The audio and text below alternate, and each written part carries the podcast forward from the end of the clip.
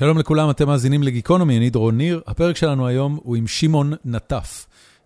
שמעון נטף הוא עורך דין, למד בירושלים באוניברסיטה העברית, גר בירושלים, בימים אלה עושה דוקטורט במשפטים באוניברסיטת קולומביה בניו יורק.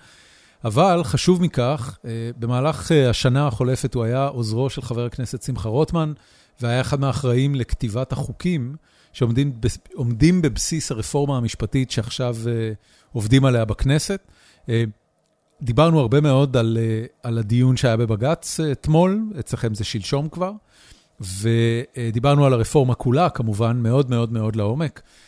זה היה פרק מרתק וגם מאוד ארוך, הפרק הוא שעתיים וחצי, לא כולל החפירה שלי ולכן גם אין חפירה שלי. בסופו, אני אחזור לחפירות שלי בפרק הבא.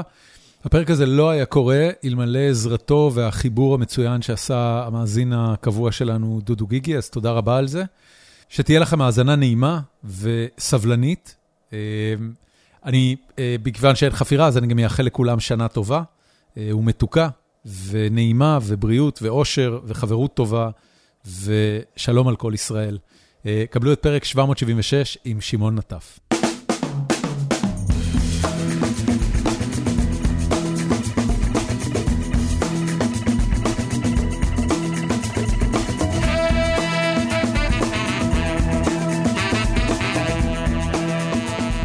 לא, אז אני עכשיו האמת כבר בארץ. אה, ברוכים השבים. כן, כן, לכן אני קצת ג'טלגד, אני חזרתי אתמול, אני חזרתי כדי להיות פה בחגים, ואז אני חוזר לחזרה לפולניה. אוי, נהדר. איפה אתה אוהב את החגים? בירושלים, בישראל אתה שואל? כן. חלק, חלק מהחגים אצל ההורים של אשתי, חלק מהחגים אצל ההורים שלי. חלק נהיה כנראה לבד. מה זה, רגע, אז תעשה לי רגע חלוקה, ההורים של אשתך, איפה זה? ההורים של אשתי גרים ביישוב שנקרא מבוא חורון, ליד מודיעין. אוקיי. ההורים שלי גרים בגילו בירושלים. אוקיי. האמת שהיא כנראה שאנחנו נהיה בכלל אצל סבא וסבתא שלי שנמצאים במושבה הגרמנית, גרים. אז... אני חיפאי, כשאני שומע מושבה גרמנית אני חושב על חיפה, איזה מושבה גרמנית זה אצלך? אז יש מושבה גרמנית גם בירושלים. אוקיי. והיא מתמקדת סביב, זה, זה, זה בעצם השכונה שצפונית לעמק רפאים. אתה מכיר קצת? קצת. עמק רפאים. כן. מתחם התחנה הישנה. מבין המקומות, אלה מקומות מאוד שונים, גם, ב, גם בנוף שלהם, גם בצפיפות שלהם, גם, אני מניח, בחוויה הדתית שלהם. מבין שלושתם, איזה אתה הכי אוהב ב, בראש השנה שלו? אני אוהב להיות אצל סבא וסבתא שלי ואני אסביר, כי סבא וסבתא שלי הם אמריקאים. אוקיי. מאיפה, שלי, מאיפה בארצות הברית? מי, הם ניו יורק, הם מניו יורק. אוקיי. הם עלו לארץ, ב... עלו לארץ בגיל צעיר, כשכבר קצת אחרי שנולד להם הילד השלישי, יש להם שלושה. ואגב, הילד הקטן השלישי הזה, שמו ג'וי אש, הוא ידוע בישראל כמי שניהל את המחלקה הפלילית בפרקליטות המדינה במשך הרבה שנים, אז אוקיי. הוא היום כבר פרש מאז. כש, כשהם עלו לארץ, הסבא והסבתא, זה היה ציונות או שזה היה משהו אחר? ציונות עד הסוף. מעניין. ציונות מרשימה, כן, גם הם עזבו, עזבו באמת, סבא שלי היה, כבר היה עם פסיכולוג, כבר היה לו מקצוע, הם באו לפה בלי כלום, כמעט בלי כלום, ובנו את עצמם מאפס כאן בארץ, מתוך אמונה יוקדת ב, ב, בארץ ישראל. תקומת ישראל. אז, אה, כן, לא יודע, לכן אני דייקתי ארץ ישראל. אוקיי. אני משער לעצמי שאתה צודק, זה גם, זה גם שם. תקשיב, היה, היה נקודה, אני, אני מניח שזה שנות ה-60-70 שהם עלו. זה לפני יותר מ-50 שנה, אז כן, אז בערך. היה נקודה...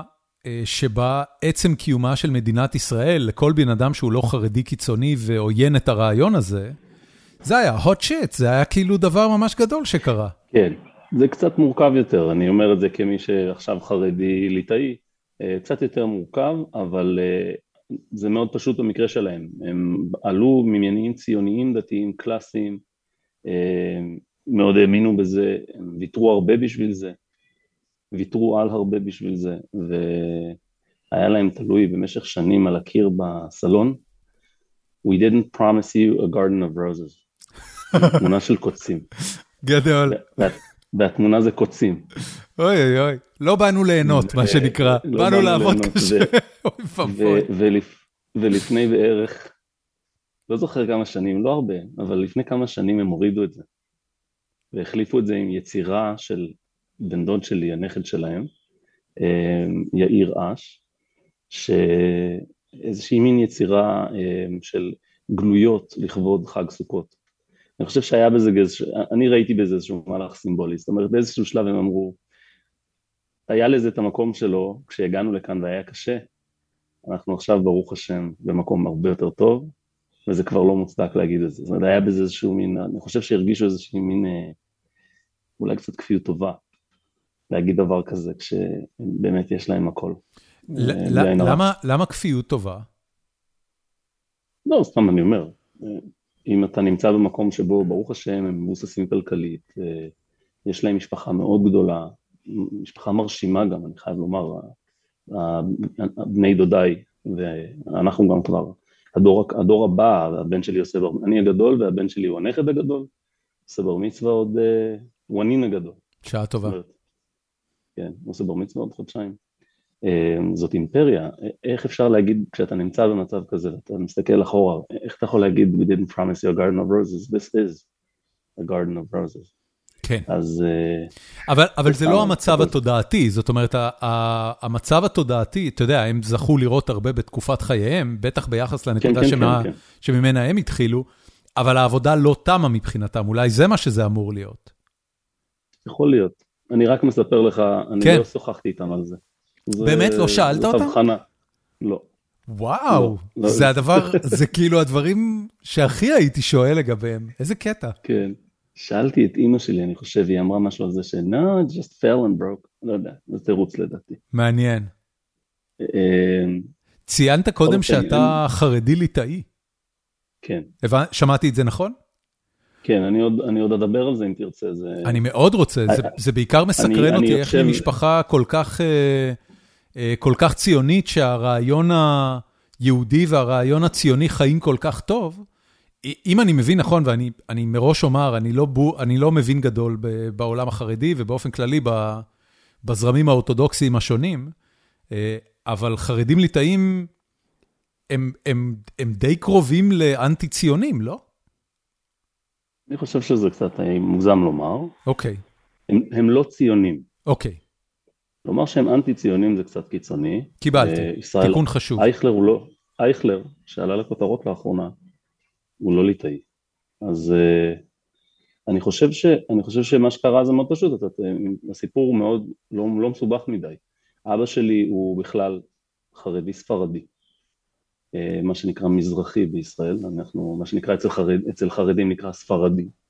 הוא בא ממשפחה טוניסאית של 11, 11 אחים ואחיות, uh, שעלו לארץ גם כן בשנות החמישים. הישר מתוניס, הוא היה הקטן מביניהם, הוא נולד בארץ. אז יש לנו שתי משפחות מהגרים מה, מהקצוות הכי קיצוניים של, ה, של הספקטרום הסוציו-אקונומי חברתי-תרבותי שיש, שהיו, שהיה לאותה תקופה להציע. מצד אחד משפחה שגרה בבית אחד ענקית, עם בני דודים ו- ו- ונכדים ו- ובאיזשהו שלב נינים, וכולם גרים בבית אחד גדול, ערבי גדול ברחוב דור דור ודורשיו, שם במושבה הגרמנית, עוד בתקופה שלפני שזה הפך להיות הרחוב הכי יקר בארץ. ו... ו... ויש לך אז את המשפחה של סבא וסבתא שלי, שהם משפחה של ציונים אמריקאים. אתה אומר ציונים אמריקאים, אבל הם הגיעו מן הסתם לארצות הברית ממזרח או מערב אירופה. שניהם, שניהם אבל הרבה מאוד, זאת אומרת, שניהם כמה וכמה דורות כבר היו בארצות הברית. זאת אומרת, הם מהעליות של המאה ה-19, של סוף המאה ה-19, החבר'ה שברחו מהפוגרומים. זה הסיפור של ינטל. עוד לפני, כן, עוד, אפילו לפני, אבל כן, זה סדר הגודל. סוף המאה ה-19, אמצע סוף המאה ה-19, המשפחות שלהם כבר היו בארצות הברית. כן. אומרת, אלה משפחות אמריקאיות יחסית ותיקות. בניגוד למשפחה של אשתי, שאולי נדבר עליה, שזה עולם אחר לגמרי. אבל אז, אז אני, אני נמצא באיזשהו מין נקסוס כזה מאוד כן. מאוד חריג. מצד אחד, משפחה ציונית אמריקאית, כל זה ניואנסים שאנשים שלא מבינים את ההבדלים, אז דתיים לאומיים ישראלים זה עולם אחר לחלוטין. בארצות הברית יש לך מין ספקטרום תלת-ממדי לא ברור, שבכל אחד מהקצוות שלו עומדים אה, אה, אוכלוסיות שונות. יש לך את ה, מה שקוראים בארצות הברית ישיבש, זה הייתי אומר החרדי הליטאי של ארצות הברית. אה, ככל שאתה יותר ישיבש, ככה אתה יותר חרדי נקרא לזה, אני לא יודע, המילה חרדי לא מוכרת הברית, אז המילה היא ישיבש. הם קוראים לזה, אגב, האמריקאים ובאופן כללי, התרבות הבינלאומית מתייחסת לכל מה שאנחנו קוראים לו חרדים, הם קוראים לזה חסידים, הסידים. וזה טעות. נכון. וזו, וזו חוסר, זו טעות, זה כמו לקרוא, לא יודע, אני, אני לא יכול לחשוב על איזושהי דוגמה. אה, בוא, בוא נגיד שאת לב... אותה השטחה תרבותית עושים גם לגבי הודים וגם לגבי מוסלמים. גם לעמים האלה נכון. יש פלגים דתיים רבים ומגוונים, ובסוף אם לכולם יש תרבוש, אז הם קוראים להם כולם אה, הודים. כן, כן, נכון. זה כמו המוסלמים הפקיסטנים שהם פשוט עולם אחר לחלוטין. לגמרי, לגמרי, לגמרי. בסדר, השטחה. כן, אז, אז הם לא חסידים, זה גם. אני אני גם לא לא מבין את ההבדל בין אה, אה, פרוטסטנטים, אה, אפיסקופלים, אתה יודע, יש שם איזה איזה שבעה גוונים נכון. שונים של נצרות שאני לא בקיא מספיק. אני יודע שהם קיימים ואני יודע את השמות שלהם, אבל אני לא יודע מה ההבדלים ביניהם. נכון. מה ש, מה שהייתי אומר פה, שזה פשוט מצחיק, כי הם לא חסידים. אם, אם היית שואל ישיביש, מה מגדיר אותם מבחינת ה stance מבחינת העמדה הדתית שלהם לגבי עצמם, לגבי החיים, אז חלק מרכזי מזה זה שהם לא חסידים.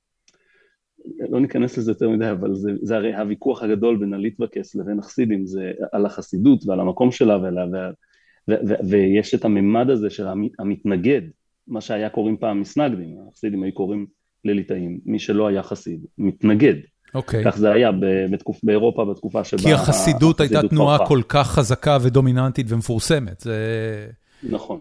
ו- ומצליחה, אגב. גם, גם, גם, אה, גם בקרב אה, יהדות העולם, אתה יודע, אפילו בקולנוע לחסידים יש, אה, יש סטטוס. הקומבינציה של לבוש ו- ויהלומים בדרך כלל, זה נכון. כאילו, יש ממש סטריאוטיפ של חסידים.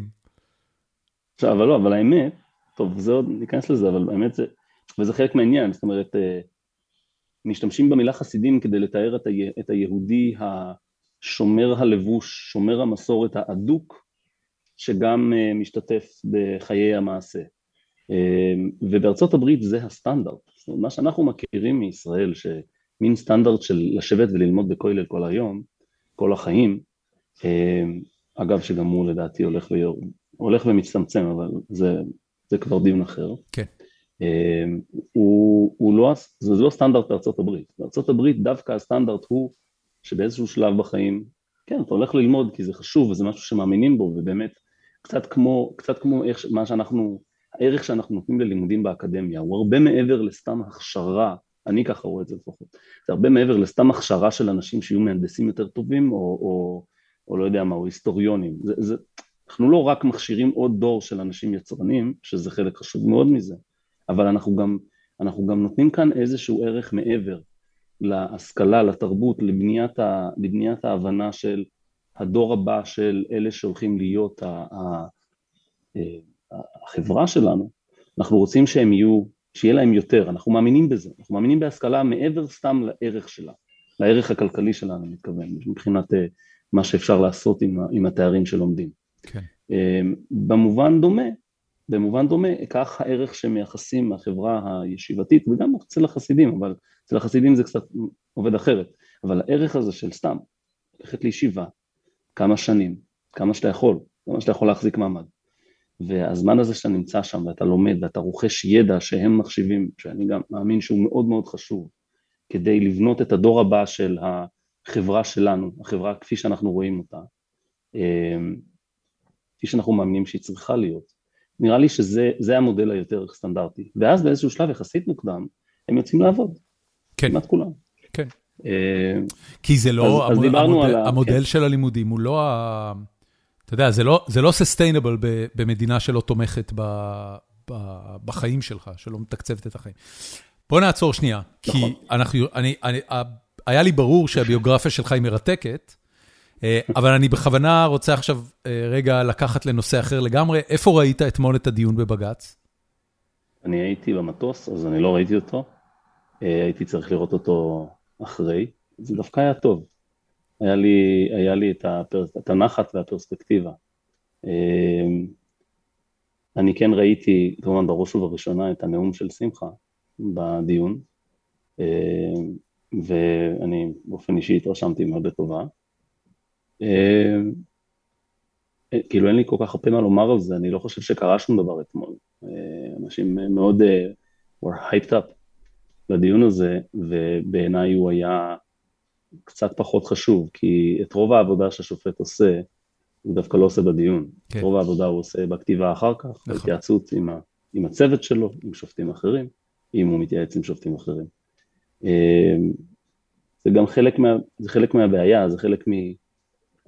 הייתה איזושהי, יש, זה משהו שעלה הרבה בקשר לדיונים ששמחה ניהל בוועדת החוקה, אמ, זה אולי הזדמנות להעיר את הנקודה הזו, הייתה איזושהי מין טענה אתם גם ככה החלטתם מראש מה אתם רוצים לעשות, ניהלתם את הדיונים לפרוטוקול, לא, לא, לא שינו שום דבר ממה שהיה, ממה שהיה בנוסח המקורי שהצעתם, אה, ולכן בעצם הדיון הוא לא דיון אמיתי, ו... וזה היה נרטיב מאוד, מאוד חזק, זה חזר על עצמו שוב ושוב, כאילו אנחנו מדברים כאן על איזשהו אירוע ייחודי בזה שהדיונים בוועדת החוקה היו כביכול לפרוטוקול בלבד. אז אה, זה קצת זה, זה תסכל אותי כמי שמכיר גם את הדיונים בוועדה שהם לא, שלא עוסקים ברפורמה.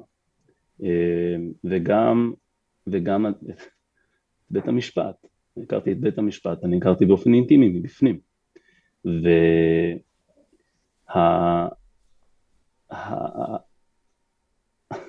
ששופט שמנהל דיונים, ושוב זה לא בגלל ש... אני לא בא עכשיו, זה לא כטענה זה לא כטענה כלפי בית המשפט או כטענה כאילו יש כאן איזשהו כשל אה, לגבי איך ששופטים עושים דברים בישראל, אני לא חושב שזה המצב, הפוך, זה פשוט, זה הסטנדרט בכל מקום שבו אנחנו, אה, בכל מקום שבו יש מנגנון שבו אתה כבר קורא מראש את כל העמדות, את רוב הבריפס אתה כבר קראת, אתה יודע מה הולכים להיות הטענות, מה הולכות להיות הטענות. רק רגע, אני, שנייה, תמי, it's making noise. מצטער. הכל בסדר, החיים עצמם. כן, כן, לא, אני פשוט, לא נראה לי שתמי שמה לב שהיא... It's no, but it's a, it's a it's a podcast. If if you make like rustling noises, it's gonna go in. זה לא אגב. אה, זה לא? לא. המיקרופון הוא מיקרופון לבליר, הוא צמוד לך, והוא קולט רק אותך, זאת אומרת, רעשי רקע לא נתפסים בו. נעשה דבר כזה, נעשה כזה דבר. You be quiet as much as you can, ואם אתה שומע רשרושים וזה, תגיד לי, טוב? אין שום בעיה, בן אדם, זה פודקאסט, אתה יודע, הכלבה שלי תכף תתחיל לנבוח כי מישהו דופק בדלת, הכל ממש בסדר.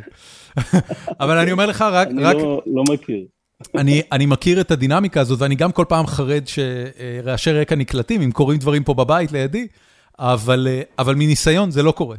בכל מקרה, אוקיי. תמשיך, אמ, אמרת ש... כן, אז, אז אני רציתי סתם לדבר על מה קורה בדיון, ששופט יורד ל... ל מה קורה לקראת דיון. אמ, וזו דינמיקה שהיא דינמיקה שקורה, אני, מה שאני מכיר בכל הלשכות. אמ, זה לא משהו מיוחד, זה משהו שבטח קורה גם בכל... אה, אה, זה משהו שכנראה קורה אצל כל שופט. בעיקרון, שופטים יודעים, את, מכירים את התיק מצוין, הם מכירים גם כנראה את כל הטענות שניתן יהיה לטעון במהלך הדיון, עוד מראש. איך הרי זה עובד? קודם כל אחד מהצדדים כותב את הטענות שלו בכתב. אה, יש מגבלות עמודים והכל, אבל בסופו של דבר הם מכניסים את כל הטענות הרציניות והמרכזיות שיש להם, המשפטיות והעובדתיות, אה, בכתב, ומגישים את, את, את, את כתבי הטענות שלהם לבית המשפט. ואז העוזר המשפטי, אני, אה, יושב וקורא את כתבי הטענות. לפעמים השופט, הרבה פעמים כתבי הטענות האלה הם מאוד ערכניים ומעמיסים, ו, ושוב, מטבע הדברים לשופט יש מעט מאוד זמן. ובדיוק בשביל זה יש שם את העוזר המשפטי שייתן לו את המענה ויחסוך ממנו את כל הקריאה המיותרת של, של כל מיני דברים שהם לא נוגעים לעצם העניין והם נקרא לזה רעשי רקע, אה, שעורכי דין לצערנו אוהבים לכתוב, ואני בתוכם, זו שיטה שעובדת. ו, ואז אתה, אתה יושב וקורא, ואתה מסכם, מסכם את התיק, זה אומר שאתה מסכם את מה שטוענים התובעים, המערערים, אתה מסכם את מה שטוענים המשיבים, אתה מסכם את כל הצדדים בתיק, ואז אתה נותן איזושהי סקירה משפטית שלך, מה המטריה, אתה מכיר, בכל זאת, עוזרים משפטיים הם בדרך כלל משפטנים ברמה הגבוהה ביותר, יש להם גם את הידע, גם את הכישרון וגם את האמצעים לבדוק דברים כאלה, והרבה פעמים הם יודעים מראש, אבל לפעמים אתה עושה את המחקר המשפטי הנדרש, אה, באופן הכי ממצה שאתה יכול, ובסופו של דבר אתה נותן המלצה. את ההמלצה השופט יכול לקבל, הוא יכול לדחות, אה, אבל זה בגדול האופן שבו דברים פועלים. אה, כהכנה של השופט לקראת הדיון, צריך לשלוט בחומר. כמובן. ובדרך כלל אני הייתי אומר ב-99% מהמקרים, השופטים יודעים מה הם רוצים, הם יודעים מה כנראה תהיה ההחלטה שלהם מראש. האם זה אומר שהדיון הוא לפרוטוקול? אני חושב שלא. לא, זה, ברור זה, שלא. זה לא קש... ברור שלא. הם, קודם כל אתה לא יודע, הרבה פעמים, מה זה הרבה פעמים? לא הרבה פעמים, אבל יש מקרים, אותם מקרים נדירים, שאתה היית בטוח שהבנת הכל מהקריאה של, ה, של, של כתבי הטענות. אתה היית בטוח, הכל היה ברור. ואז בדיון העורך דין פתאום הופך את זה, או גורם, נותן איזושהי אנימציה לטענות, הוא, הוא פתאום דוקר את הנקודה שפספסת בדיוק, אז מה שזה לא יהיה, ופתאום נופל לך האסימון שהוא צודק. כן. למרות שהיית בטוח שהוא לא. תגיד, אני, אני סליחה רגע, אבל אני, אני רוצה רגע אה, לעצור מהדיון בבג"ץ, ואני, ואני, יש לי, אה, אני מאוד רוצה לחזור אליו עוד רגע, אבל רק כדי כן. לשאול, איך בכלל הגעת לעבוד עם אה, שמחה רוטמן על הרפורמה הזאת? מאיפה ההיכרות שלכם? אז אה, זה צריך, אז אני אחזור קצת כדי לתאר קצת את, ה, את הקורות חיים שלי, נקרא לזה. אה, אז אני למדתי משפטים באוניברסיטה העברית, קצת יותר מורכב מזה, אבל זה, קיבלתי את התואר, סיימתי באוניברסיטה העברית. לאחר, לאחר סיום התואר אה, עבדתי בהתמחות במשרד עורכי דין אגמון, אז, אז שמו היה, שם המסורבל מאוד, אגמון ושות' רוזנברג הכהן ושות', נורא ואיום, היום קוראים להם אגמון עם טולצ'ינסקי, okay. כי אוקיי. הייתה, היה, היה מיזוג משרדים, אה, חוויה מדהימה הייתה לי בהתמחות, היו גם דברים שפחות מדהימים, אבל אני, אה, קשורים גם קצת למה שאנחנו עושים היום, אבל נדבר עליהם אולי, אם יהיה זמן. כש, ו... כשהלכת ו... ללמוד משפטים, אה, היית כבר אה, חרדי ליטאי? כן, אני חרדי ליטאי מאז גיל מאוד צעיר. מאיזה אה, גיל? מאז, בעצם, מאז שנכנסתי לישיבה, לישיבה קטנה. הבנתי. אז כן. סיימת ישיבה, אה, עשית שירות צבאי כלשהו, שדילגת על זה? לא, לא דילגתי, ברוך השם, עשיתי שירות צבאי כלוחם ומפקד אומק בנצח יהודה, הגדוד הידוע לשמצה. ואז אחרי זה הלכת ללמוד משפטים? לא, היה, היה, אני סיימתי את השירות הצבאי שלי ב, באמצע 2000 ו, 2009. אוקיי. Okay. סליחה, באמצע 2009 סיימתי את השירות הצבאי, אמ, ואחרי השירות עבדתי קצת בביטחון, לא היה לי שום השכלה, לא הייתה לי בגרות, לא היה לי שום דבר לעבוד איתו, אז עבדתי כמאבטח. אה, אמ, בעיר העתיקה. אוקיי. חוויה בפני עצמה שיש הרבה מה לספר עליה. וואה, ועוד איך. ועוד איך ועוד איך. מישהו פעם תקף אותך עם סכין? לא, ברוך השם, אבל אה, אלימות, אה, אלימות פיזית אה, הייתה, לא, לא, לא, לא מעט אלימות פיזית במהלך כן. ה... ולכן גם באיזשהו שלב ביקשתי לעבור להיות דווקא מאבטח סטטי בכותל. אוקיי. שזה היה ירידה בשכר, אבל פחות אקשן. פחות אקשן נשמע דבר חיובי בסיטואציה הזאת. כן, זה okay, גם אז, יותר מתאים גם לקראת, ה, לקראת ה, ה, בדיוק התחלתי לצאת עם תמי, כמו שזה קורה בחברה החרדית, התחתנו בערך תוך, תוך חודשיים, אה, כמובן הבחירה הכי טובה שעשיתי בחיים, אבל אנחנו מדברים על, אני בן 24 כעת, ורק שלוש שנים אחרי זה מתחיל ללמוד. זאת אומרת, במשך שלוש שנים אני בעיקר עבדתי, אה, פשוט, האמת שסתם חיפה, לא, לא כל כך היה לי מושג מה אני הולך לעשות.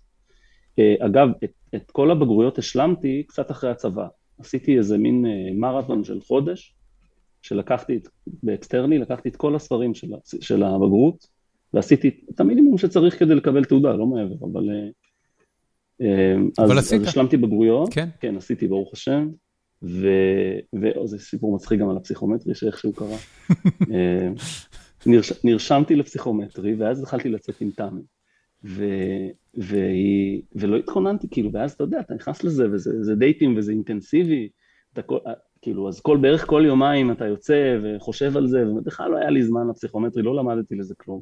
ואז כשהגיע בערך יומיים לפני התאריך של הבחינה, אני נזכר בזה פתאום, שלחו לי תזכורת ב-SMS או משהו, ואני, ואני אומר לה, מתקשר לתמי ואומר לה, וואי, איזה קטע, תראי, אמור להיות לי פסיכומטרי, בתאריך הזה, זה היה יום אחרי יום כיפור, אני זוכר. אמרתי לה, אבל נראה לי שאני לא אלך, אז... אה, היא שאלה אותי אם אני רוצה לפגוש אותה. יום אחרי יום כיפור ניפגש לדייט.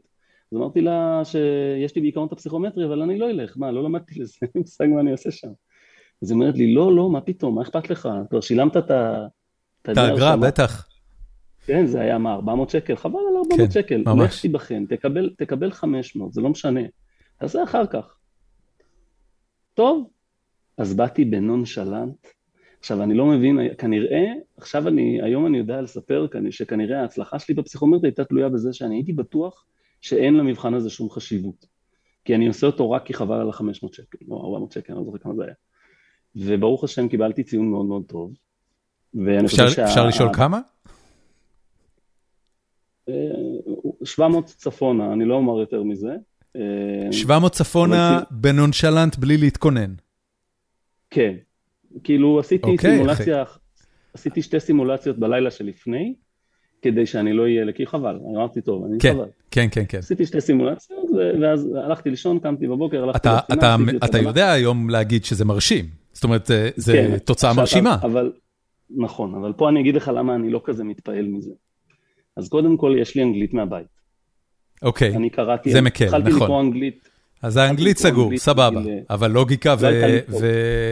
כן, חשיבה כמותית? לוגיקה, לוגיקה יכול להיות שזה היה לימודים של הגמרא. בסופו של דבר, אנשים שואלים אותי, מה לומדים שם בישיבות? והתשובה שלי... הרבה מאוד לוגיקה, הרבה מאוד התפלמסות. כן, כן, כן.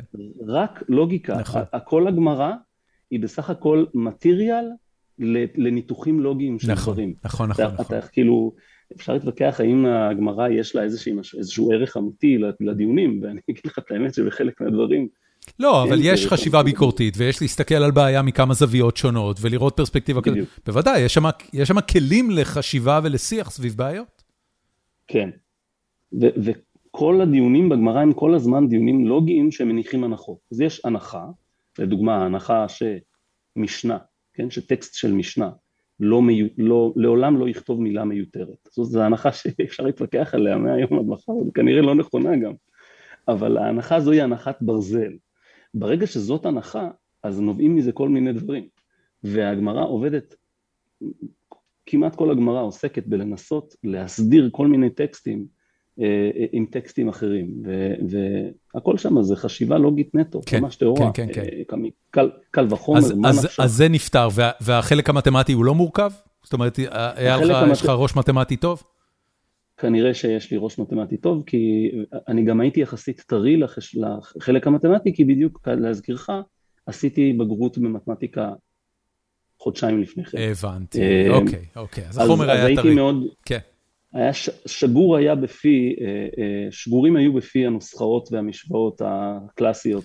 בקיצור, פסיכומטרי פצצה, מה שמוביל אותך למשפטים באוניברסיטה העברית, שרציתי להגיד קודם, זה דבר מאוד לא טריוויאלי בשביל מישהו שגדל בישיבה, אבל אני מבין עכשיו עם מי יש לי עסק, ואחרי זה התמחות מצוינת, ומשם פגשת את אה, שמחה רוטמן? פה מתחיל בעצם הסיפור.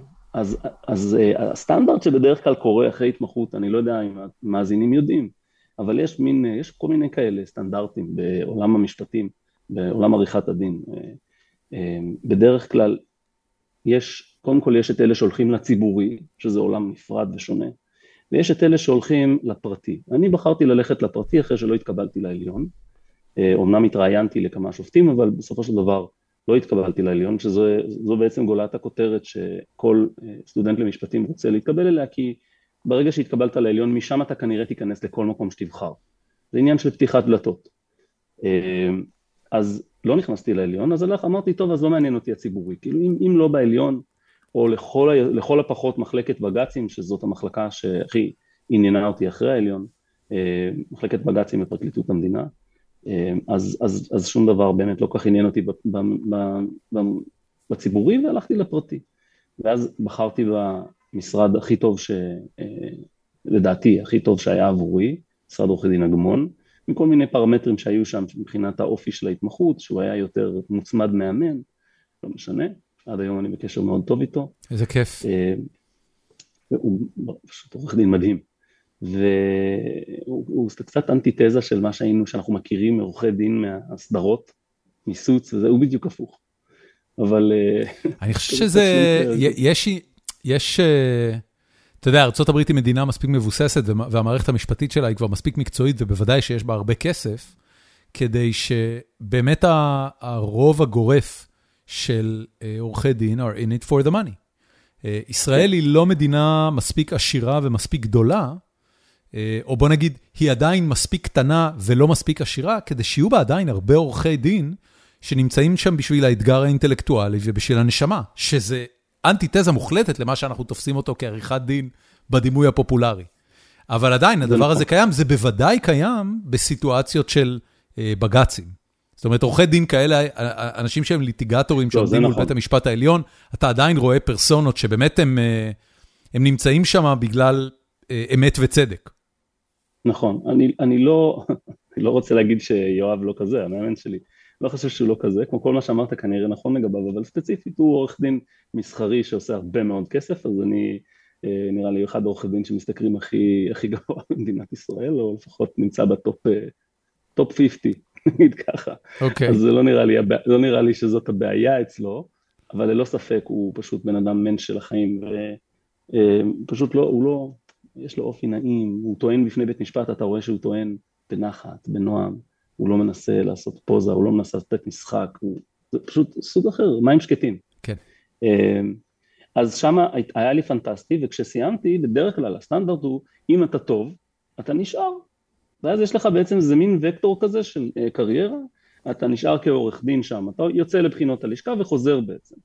Uh, ואז אתה מתחיל לעבוד כמה שנים כעורך דין פרטי, במשרד, אה, כעורך דין, כחלק, כשכיר, כחלק מהמשרד, ואם אתה מספיק טוב כשכיר, אתה עושה, אתה עושה עבודה טובה, מביא לקוחות, באיזשהו שלב כנראה גם תקבל שותפות, ובהתחלה זו שותפות שכר, ובאיזשהו שלב הלאה זו שותפות אה, אה, אה, רצינית יותר, ממש שגם בהליכי קבלת ההחלטות של המשרד.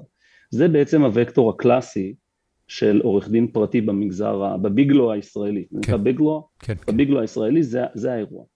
אה, אני לא, לא הסכימו להשאיר אותי. עכשיו, האירוע הזה הוא אירוע שבעיניי, הוא היה אירוע עבורי לא קל. זאת אומרת, אני ידעתי שאני עשיתי עבודה טובה, מבחינה מקצועית. גם בשיחות שהיו לי, המאמן שלי גם מאוד רצה שאני אשאר. אז היה שם איזשהו אירוע סביב ה... לא ברור לי מה. מישהו, היו שותפות, ב, אני יודע על שתיים, שתיים לפחות, שלא נחה דעתם, אה, דעתן מהעובדה ש... המאמן שלי רצה שאני אה, אצטרף לצוות שלו כעורך דין, והדבר הזה סלל לדרכי אל פורום קהלת. הבנתי. מה שקרה זה, שעכשיו, מתחילת הלימודי המשפטים היו לי שני נושאים שעניינו אותי מאוד, שהיו הפאשן שלי. הנושא הראשון היה משפט ציבורי באופן כללי, בדגש על משפט חוקתי, תורת משפט, jurisprudence, אה, פרשנות כמובן, שזה אה, נושא הספר שפרסמתי לאחרונה. כן. והנושאים האלה תמיד היו בערו בי, אני נהניתי לדון בהם, אני נהניתי לנהל לגביהם דיונים אינטלקטואליים, אני נהניתי להתווכח לגביהם, אני נהניתי לכתוב עליהם, זה נושא אחד. הנושא השני שמאוד עניין אותי הוא דיני חברות. כל התחום של דיני חברות, כל התחום הפרטי, מרתק ממש. הפרטי במובן הכי, אני מאוד מאוד אוהב, כן. באופן אישי. יש לי אפילו פטיש מוזר מאוד לדיני מס, לא ניכנס לזה. ושני הנושאים האלה, תמיד היו אצלי יחסית משקל שווה בשווה, אז קיבלתי את האופציה הזאת לעבוד בפורום קהלת, אמרו לי מה שאנחנו עושים פה זה, אתה פשוט חוקר את הדברים שמעניינים אותך והם כמובן, הם, הם קיבלו אותי על סמך זה שהם הזדה, הזדהיתי והם הזדהו עם, הייתה כאן התכנסות של uh, תפיסות עולם uh, והם הציעו לי גם, חייב לומר, הציעו לי משרה אגדית, זאת אומרת היא, היא כמעט מושלמת, השעות מאוד מאוד נוחות גמישות מדהימה, בתור מי שיש לו משפחה, אז הייתי עם ארבעה, אה, עם ארבעה ילדים, היום אני עם שבעה, אבל גם ארבעה ילדים זה לא, לא מעט. וזה היה מאוד מאוד חשוב לי למצוא מקום עבודה שמצד אחד אני יכול אה, גם לתת את הזמן הזה למשפחה, אבל גם לפרנס אותם בכבוד. בפורום קהלת נתנו לי בדיוק את זה. סביבת עבודה פשוט. היה ב... במה שאמרת קודם על זה שלא נתנו לך להמשיך במשרד עורכי הדין, אה, אתה חושב שהיה שם משהו שבאיזושהי צורה קשור או לדעות הפוליטיות שלך או להיותך חרדי? אני מתקשה להאמין. אה, הדעות הפוליטיות שלי לא היו כל כך ידועות, זאת אומרת, זה לא משהו שאני... אני, קודם כל, אגב, זה גם דבר, יש לי דעות מאוד חזקות לגבי האופן שבו לדעתי מדינת ישראל צריכה להתנהל מוסדית, לא רק מדינת ישראל, באופן כללי, אני, יש לי כללי יסוד שאני, שאני עובד לפיהם, שאני חושב שהם נכונים ושאני מקדם. הם בעיקר נוגעים לכללי המשחק, זאת אומרת, אני חושב שהם נכונים באופן כללי, זה לא משנה מה אדם חושב לגבי מה צריך להיות, מה נכון, ומה העמדה הנכונה ומה הדעה המוסרית הנכונה. כשיש מסגרות שבהן צריך לקבל החלטות, אני חושב שהדברים שאני מקדם הם, נקרא לזה, עקרונות יסוד שנכונים יותר להליכי קבלת החלטות לא אלימים, נקרא לזה ככה. אוקיי. Okay. אבל לגופם של דברים, זאת אומרת, מה אני חושב על זכויות להט"ב, אה, מה אני חושב על, אה, אפילו על גיוס חרדים, אה, אני, אני בדרך כלל שומר את הדעות האלה לעצמי. רוב מי שאני מכיר, לא, אני אגיד את זה אחרת, יש מעט מאוד אנשים שיודעים מה אני חושב על דברים. אוקיי. Okay. ומאוד קשה לחלץ את זה ממני, אז אני לא יודע, אני מקווה שלא תנסה, כי אני... אני אנסה. אני אשתדל מאוד לא, לא, כי, לא כי זה... אוקיי, אני, אני אולי אגיד את זה ככה. תראה, לפורום קהלת יצא, יצא מוניטין בשנה האחרונה, אה, בתור ה... בתור ה... אה, בתור האכסדרה אה, האינטלקטואלית, שממנה יצאה. ההפיכה השלטונית שעכשיו מתחוללת בפרלמנט כן. הישראלי ובוועדות הכנסת. אני אומר מראש, אני לא אוחז בעמדה הזאת, אני מכיר את פורום קהלת הרבה שנים, במשך הרבה מאוד שנים הסתכלתי עליו בתור גוף שמשמיע קול שונה מה... הסוציאליזם הישראלי המסורתי, ושדווקא כזה שהסכמתי איתו, כי על הסקאלה של אה, מעורבות מדינה בחיי אזרחיה, אני נמצא הרבה יותר בצד הימני מאשר בצד השמאלי או שמאלני. אה, עם זאת, אה, כן מסקרן אותי לדעת לגביך, האם, האם באמת אתה על הסקאלה הזאת, זאת אומרת, בסקאלה של, של איין ראנד מול לא יודע מי בצד השני, איפה אתה נמצא ביחס למעורבות של המדינה אה, בחיי אזרחיה? אה, טוב, זה מספיק רחב כדי שאני כן דווקא אוכל להשיב על זה בהגינות. אני, אני כמעט ליברטריאן. אה, והסיבה שאני אני חושב, יש, יש לי, אני עושה לעצמי לפעמים אנליזות, אני חושב שאחד ההסברים הפשוטים, אחד ההסברים הכי טובים לזה שאני פיתחתי את, ה, את התפיסת עולם היותר חירותנית הזו נקרא לה. כן. אה, כן, ליברל, ליברליזם קלאסי. כן. אני חושב, שהוא, אני חושב שהוא מאוד גם, אני באופן אישי חושב שהעמדות המוסדיות משטריות שלי נובעות ממנו. זאת אומרת, אני רואה הלימה לוגית ואנליטית בין תפיסותיי בסוגיות של ביחס ממשל, ממשלה מול, אה, זאת אומרת ממשלה קטנה, אה, זכויות אזרח באופן כללי, לבין מה שאני מקדם אה, כשיטת משטר למדינת ישראל, ואני יודע שיש אנשים שחושבים שזה סותר, אבל זה חלק מהדיון. לצערי בשנה האחרונה מאוד קשה לנהל את הדיון הזה. כן. זה דיון שכשאני מתחיל לפתוח נכון. את הפה, אז אומרים לי, יש לך כיפה שחורה על הראש, אתה רוצה מדינת הלכה. עכשיו, סוג כזה של דיון, אני, קשה לי מאוד להתקדם. הוא לא יקרה פה. אני לא, הדיון הזה, קודם כל, זה, זה שייך ל...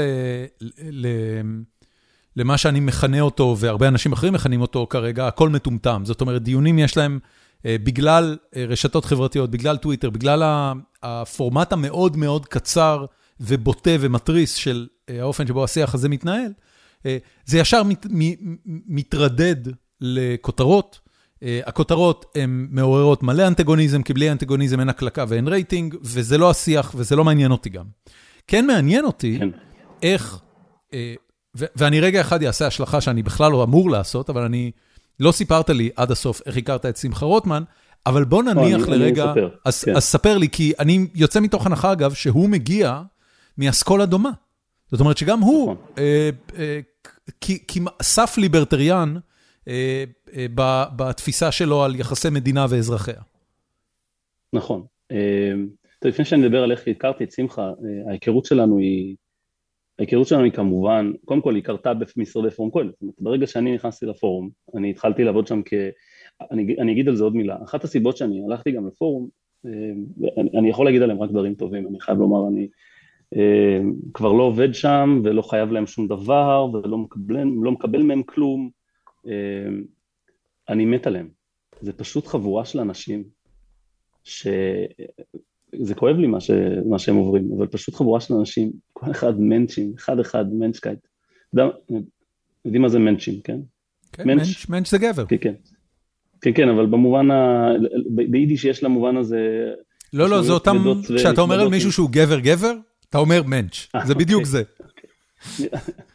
אפשר להתווכח על זה, אבל בסדר. אני מתכוון לומר שהם באמת אנשים פשוט... אנשים הגונים, ישרים, פיהם וליבם שווים. פיהם וליבם שווים, כן.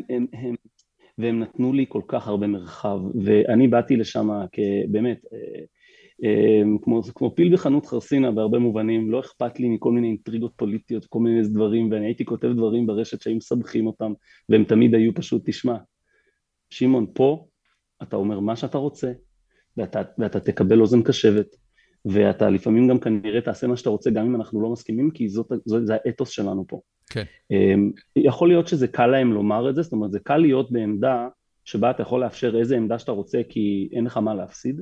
השיח לצערנו בישראל הוא כל כך רווי בעמדות ההפוכות, שעצם זה שהם נמצאים שם זה כבר יתרון מסוים, ולכן הם מאפשרים בעצם לכל מי שרוצה להגיע לפורום. במהלך השנים היו, עברו בפורום אנשים שהיום הם מהמבקרים הכי גדולים שלו. אמ, יש לי שני שמות שיש לי בראש, זה תומר אביטל, שהתפרסם, אה, נראה לי אתר שקוף. תומר אביטל היה בפורום קהלת, נראה לי אפילו ניסח איזשהו נייר עמדה שם. שוב, בגלל שהוא הזדהה עם חלקים מסוימים מהאג'נדה. כן, אם אני לא אה, טועה גם... לא, אני אולי טועה. אה, אני לא אגיד את השם, לא משנה. תקשיב, אה, בוודאות היו שם כן, כן, אנשים כן. טובים אה, לאורך השנים, אה, מיכאל שראל, שאני לא יודע, הוא פרש או שמיכאל שראל עדיין שם? עדיין שם למיטב ידיעתי, לא פרש. לא, הוא שם. אני חשבתי שהוא... הוא הביע עמדה, הוא יצא בסופו של דבר ואמר, אני לא מסכים עם מה שהמחלקה המשפטית מקדמת. זה בגדול מה שהוא עשה. הבנתי, אוקיי. וזה אגב מלמד אותך... אז הוא ראש פורום קהלת לכלכלה. זה, זה עדיין המנדט שלו. למיטב ידיעתי הוא עדיין והוא לא... כן, כן, כן, כן, הוא מופיע לא- באתר. אני לא מכיר. כן. אני לא מכיר שהוא מאוד שמח. אז, אז שמחה רוטמן היה בפורום קהלת? או ששם הכרת אותו? לא, לא.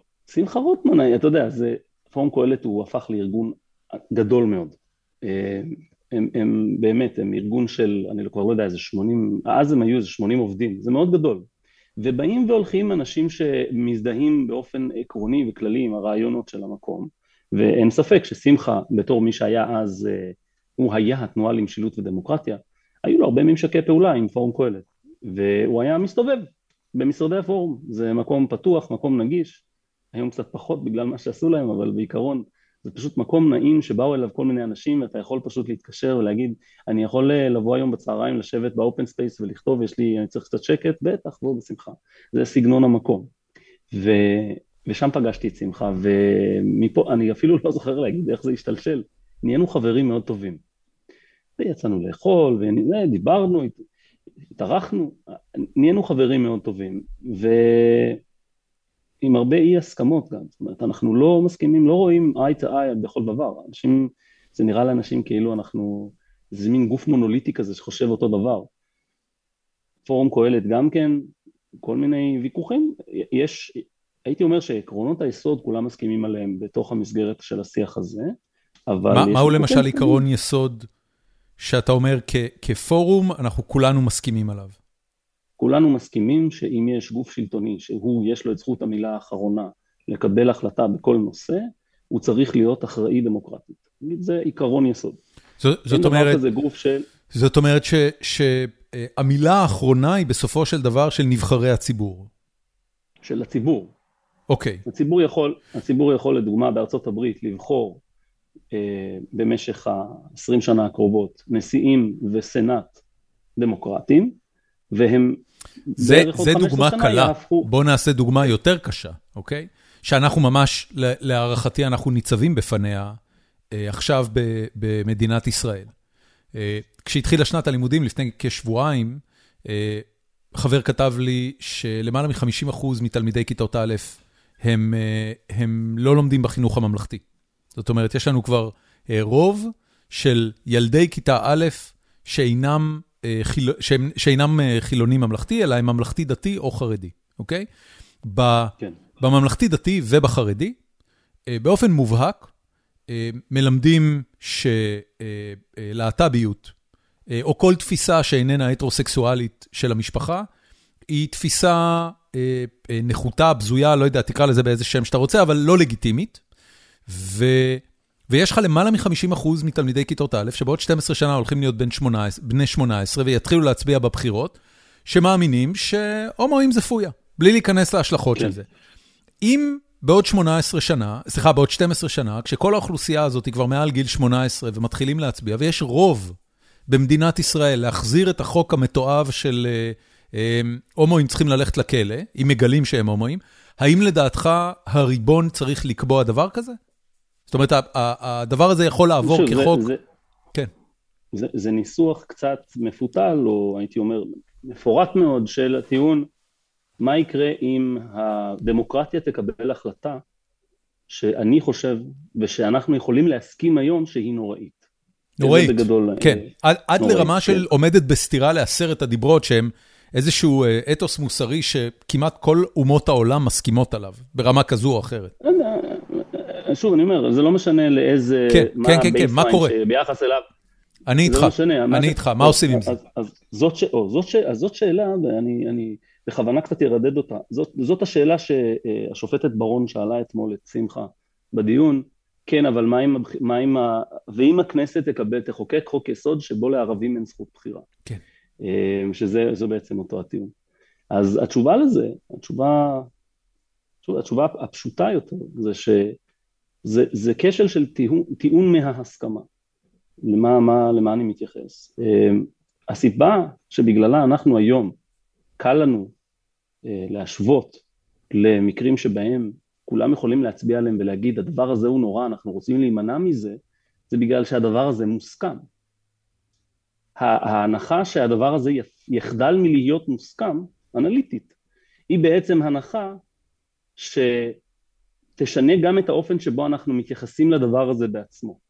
וזה, וזה נכנס לסוגיות פילוסופיות של רלטיביזם מוסרי, זה כן. גם עובד הפוך. נכון. זה גם עובד הפוך. מה קורה אם, אה, אני אומר, תקופה של, אה, כשכוננו את חוקת ארה"ב, התפיסה שעבדים, אה, היה ויכוח אז, היה ויכוח בין אומרת זה לא היה כאילו מובן מאליו לכולם שהרעיון של עבדות הוא רעיון טוב, ממש לא.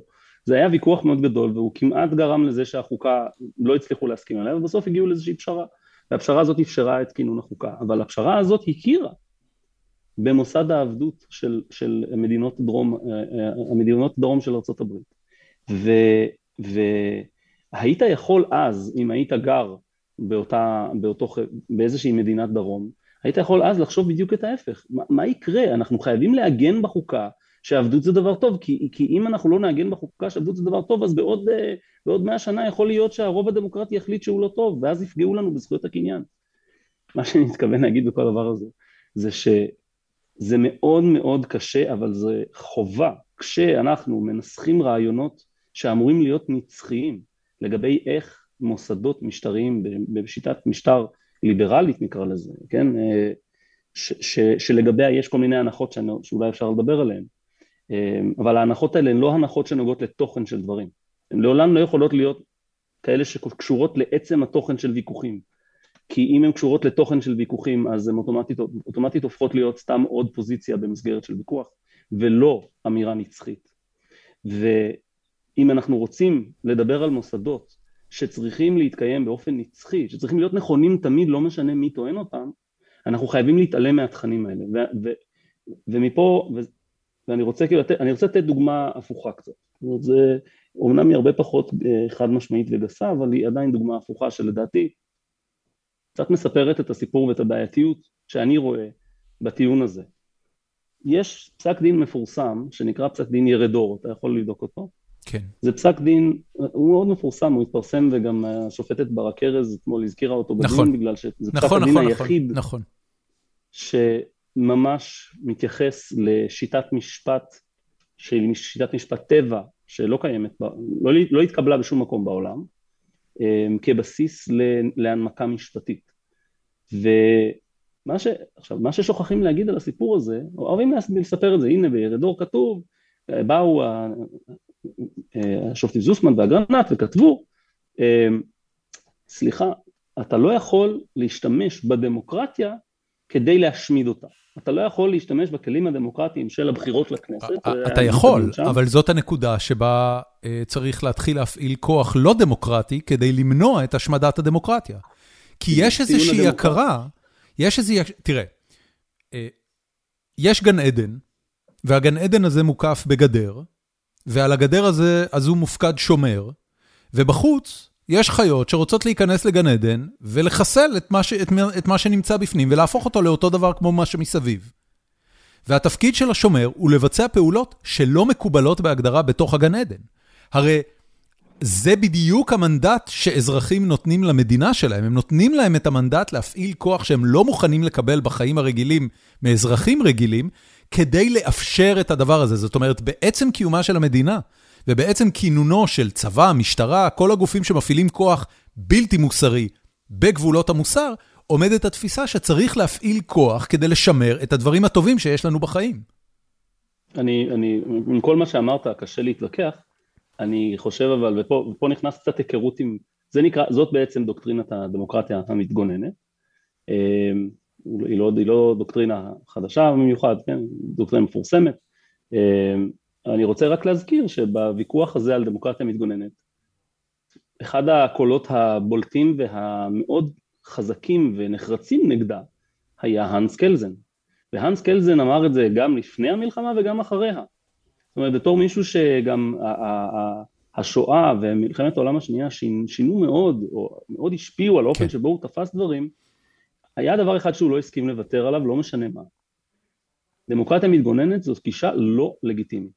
ויש לו מאמר שהוא פרסם, אם תרצה, אני יכול להפנות אותך, זה מאמר גם שתורגם לעברית על ידי אה, אה, אה, השופט בדימוס יצחק אנגלרד, שהוא מתרגם מדהים של הכתיבה של קלזן בגרמנית, ובמאמר הזה הוא מפרט גם את הנימוקים שלו להתנגדות לרעיון הדמוקרטיה המתגוננת. אבל שנייה, אני רוצה שנייה לשים אפשר לחזור לדמוקרטיה המתגוננת עוד שנייה, ולמה לדעתי, אני קורא לה וירוס. אני, אני רוצה, אני רוצה להגיד משהו, כי אין לנו ויכוח לגבי זה, וגם לי יש בעיות עם הקונספט של דמוקרטיה מתגוננת, וכשאני רואה היום קולות שבטוויטר קוראים לכל מיני פעולות שאי אפשר לקרוא להם בשם מלבד פשיזם, להיכנס למוסדות חינוך של מגזר כזה או מגזר אחר ולשנות להם את תוכניות הלימוד, כי אסור בשום פנים ואופן שהם ילמדו דברים כאלה וזה, אני אומר, ישמור אלוהים.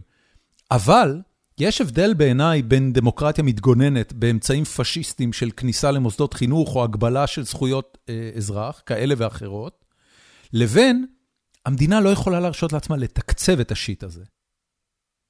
וזה, כן, וזה הבדל אני, מאוד אני גדול. חושב, אני חושב ש... אני מסכים לגמרי, אבל אני חושב ש... שים לב שמה שאנחנו מדברים עליו זו בעצם השאלה בסוגיות שנדרשת בהן הכרעה. כי הן סוגיות שבמחלוקת. איזה גוף אנחנו רוצים לתת לו את זכות המילה האחרונה ביחס לשאלות האלה. זאת, זאת בעצם השאלה שאנחנו עליה מדברים. ולכן זה כן נכנס לסוגיה של דמוקרטיה מתגוננת, כי אז השאלה היא בעצם מה הבסיס, מה הבסיס הנורמטיבי, הבסיס המוסרי והנורמטיבי של קבלת החלטה כזו, איזה שיקולים אנחנו צריכים לשקול. אני, אני רוצה לחשוב. להגיד לך משהו, שמעון, אני לא חושב שזאת כן. ההחלטה. ואני אגיד לך מה היא כן, כי זה עלה בדיוק okay. אוקיי. מאוד יפה אתמול בדיון בבג"ץ. הדיון okay. הוא כן. לא מי שאנחנו רוצים לקבל את ה... מי, מי אנחנו רוצים לתת לו את הכוח לקבל את ההחלטה, מכיוון שהדבר הזה במידה רבה אה, הוכרע מזמן במדינת ישראל. הגוף היחיד במדינת ישראל שרשאי לחוקק חוקים הוא הכנסת. זהו, אז, אין אה, אף אחד אחר שיודע לחק- לחוקק חוקים במדינת ישראל. הם היחידים שיכולים לכתוב חוקים, להעלות אותם לדיון, לדון כן. בהם בוועדות, אה, להצביע עליהם, ובסופו של דבר להכניס אותם לספר החוקים של מדינת ישראל. השאלה היא, האם יש דבר כזה, האם אנחנו מוכנים לתת לכנסת ישראל את היכולת ואת הכנסת. הזכות לחוקק חוק שאין עליו ביקורת שיפוטית? זה בעצם היה הדיון אתמול. כי, כי, זו, כי זו עילת מה זה הסבירות. ביקורת? כן. אז מה, מה זה ביקורת שיפוטית? בוא, בוא, בוא נחשוב על זה, ננתח את זה אנליטית. מה זה בעצם ביקורת שיפוטית על חוק? ביקור, כשאני- ביקורת שיפוטית על חוק הוא אה, מתן כלים לרשות נפרדת מזו המחוקקת, זאת אומרת, לא בוועדות, לא, ב, לא, ב, לא במליאה, כן. לא בהצבעות, לא בממשלה, גוף, חוק, אה, צד ג', שיבוא ויסתכל על החוקים שחוקקו ויגיד, תקשיבו, זה עומד בסתירה לדבר הזה שכבר חוקקנו קודם. אתם רוצים לבטל את החוק ההוא שחוקקנו קודם, או שאתם רוצים לבטל את זה? טוב, תבחרו. אני- אז- הם לא יכולים מצוין. לשבת בכפיפה כי הלוגיקה לא מתיישבת. זה ביקורת. אז אני, אני לוקח אותך, בדיוק, אמרת את זה מצוין. ביקורת שיפוטית, מעצם המילה שיפוטית, היא ביקורת שחייבת למצוא איזשהו מקור אחר, מקור אחר של נורמה, של חוק, ואז היא מסתכלת על מה שהכנסת עשתה. והיא אומרת לכנסת, תקשיבו, הדבר הזה שעשיתם, מותר לכם לעשות מה שאתם רוצים, אבל מה לעשות שאתם כתבתם פה, ואז זה מצביע על כן? חוק יסוד לצורך העניין, כתבתם פה X, והדבר הזה שעשיתם לא, לא מסתדר עם ה-X. זה הרבה יותר מורכב מזה, אבל בעיקרון, כמובן. מבחינה אנליטית, זה מה, שעושה, זה מה שעושה ביקורת שיפוטית, זה מה שבית משפט עושה. אמ, ובאופן כללי, כל ביקורת. אם, אם מה שאנחנו מדברים עליו זה ביקורת מהסוג הזה, כי אפשר גם לומר שיש סוג ביקורת אחר. סוג הביקורת האחר הוא בעצם דומה לביקורת שיש למנכ"ל בחברה. הרבה פעמים המנכ"ל אומר, חבר'ה, אתם תעשו מה שאתם רוצים, כל אחד אני נותן לכם שיקול דעת, אני נותן, לכם את החופש לקבל החלטות, אני לא הולך עכשיו לנהל אתכם ברמת, ה, ברמת ה, ה, איפה, איפה העט נמצא על השולחן, תעשו, תקבלו את ההחלטות שלכם לפי איך שאתם חושבים, אבל אני המנכ"ל ולכן, אני חושב שזה נכון לכל חברה, אם אני פתאום מזהה שהחלטה מסוימת שהתקבלה לדעתי פשוט לא טובה, אז אני זה, אני המנכ"ל, אני, אני יכול לבוא ולקחת מה, מאותו עובד את ההחלטה ולהגיד לו, תקשיב, הדבר הזה שעשית זאת החלטה לא טובה. אה, אני לוקח ממך את ההחלטה, תחליט אחרת. או... אבל, אה, אבל שמעון, זה, פשוט- אנלוגיה שאני חייב לשאול אותך לגביה. הלו, כן. אה, חברות מסחריות, בוודאי בחברה קפיטליסטית, אה, ובוודאי תפקידו של מנכ"ל, אה, הם דיקטטורות. הם לא... נכון. האזרחים במרכאות שהם עובדי החברה, אה, לא נשאלים לדעותיהם, ולכן חברות גם כפופות לחוק החברות ולחוק המדינה ולעוד כל יתר החוקים. זאת אומרת, המנכ"ל לא יכול להגיד לעובד תעבור על החוק. לא, לא, נכון, אבל אז, המנכ"ל אז, בוא, כן אז יכול במובן להחליט- הזה, אה, האנלוגיה איננה, הרי, הרי כל הסיפור של, אה, של דמוקרטיה, באופן כללי, כל הסיפור של ממשלה, אה, באשר היא, וזה יכולה להיות ממשלה דיקטטורית או ממשלה דמוקרטית, זה יכול להיות משטר מלוכני וכולי, אבל משטר וממשלה, יש כאן איזשהו, איזשהו construct שאומר, כדי שאנחנו נוכל לחיות בדבר הזה שנקרא מדינה, ושיהיה לנו ראש שקט מהרבה בעיות שמעסיקות מדינה, שאני לא אצטרך לדאוג לאריות שנמצאות, שנמצאות, אה, שנמצאים בשדה, או לדובים שנמצאים ביער, ושאני לא אצטרך לדאוג מהאויבים שכל הזמן דופקים אותי, כוננו דבר שנקרא מדינה. ובמדינה הזאת שמנו שלטון, אוקיי? ובעבר זה היה הכל שלטון מנוח, מלוכני שנכבש בכוח הזרוע, ואז לאורך ה-200-300 שנים האחרונות התחילו להתפתח משטרים. נבחרים על ידי העם, דמוקרטיות, אה, אה, רפובליקות וכולי. המנגנון שמדינת ישראל בחרה לעצמה הוא מנגנון של שלוש רשויות, שופטת, מבצעת, אה, אני לא צריך להיכנס לכל ה basics האלה. ואז- ה basic האלה זה מה שמדברים עליו. מאה אחוז, אולי- רגע, אבל, אולי אבל. זה, זה, אתה, אתה יודע משהו? ה basic הזה עומד בלב העניין, אבל לכן אני, אני, רק, אה, אני רק אגיד שאם זה באמת העניין שעליו מדובר, אז צודקים כל מתנגדי הרפורמה, שאומרים, חבר'ה, אתם באתם לעשות הפיכה משטרית. אתם משנים אה, את אוקיי, חוקי. המשחק. זה טיעון, זאת השאלה. כן, לא, זו ממש השאלה. לא, אבל זו שאלה עובדתית שאני חושב שהיא פשוט, אה, התשובה לה לא, התשובה, התשובה כן, התש- התשובה לה הפוכה. זאת אומרת, השאלה, האם אנחנו משנים את כללי המשחק או בית המשפט, היא שאלה שצריך לבדוק בהתאם לבייסלנד קודם. והשאלה היא מה היה המצב במדינת ישראל עד, עד לצורך העניין 2010, כן? כי אחרי 2010 התחילו להשתנות קצת דברים.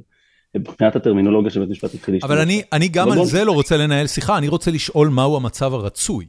כי הרי בסוף, יכול להיות שאנחנו יכולים להתווכח האם, האם הכניסה של אהרן ברק אה, אה, כן או. הייתה הפיכה שיפ, אה, שיפוטית, לא הייתה הפיכה שיפוטית.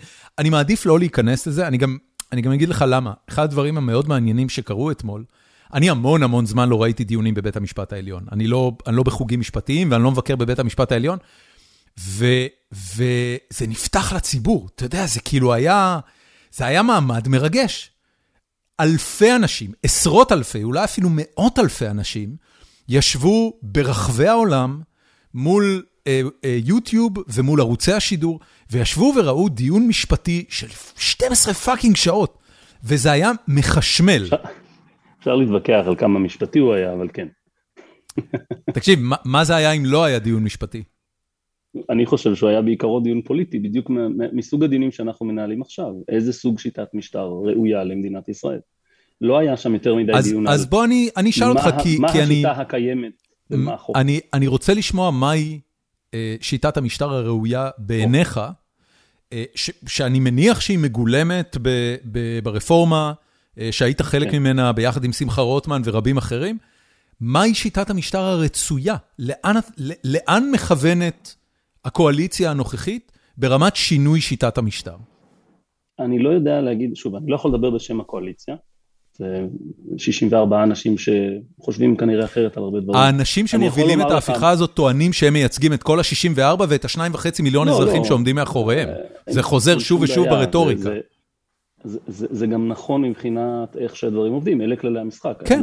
העובדה שכל 64 הח"כים האלה תומכים בסופו של כן, דבר. כן, ממשיכים להצביע כל, כל פעם שזה עולה לזה. כן. הם מקבלים, הם מקבלים עליהם, אתה יודע, בסופו של דבר גם בכל הליך חקיקה בכנסת. אמ, בסופו של דבר זו קבוצה יחסית קטנה של אנשים שמקדמת את החוק, יש להם את הפנאי נכון, לזה, והם נכון, נכון, נכון, הלב, נכון.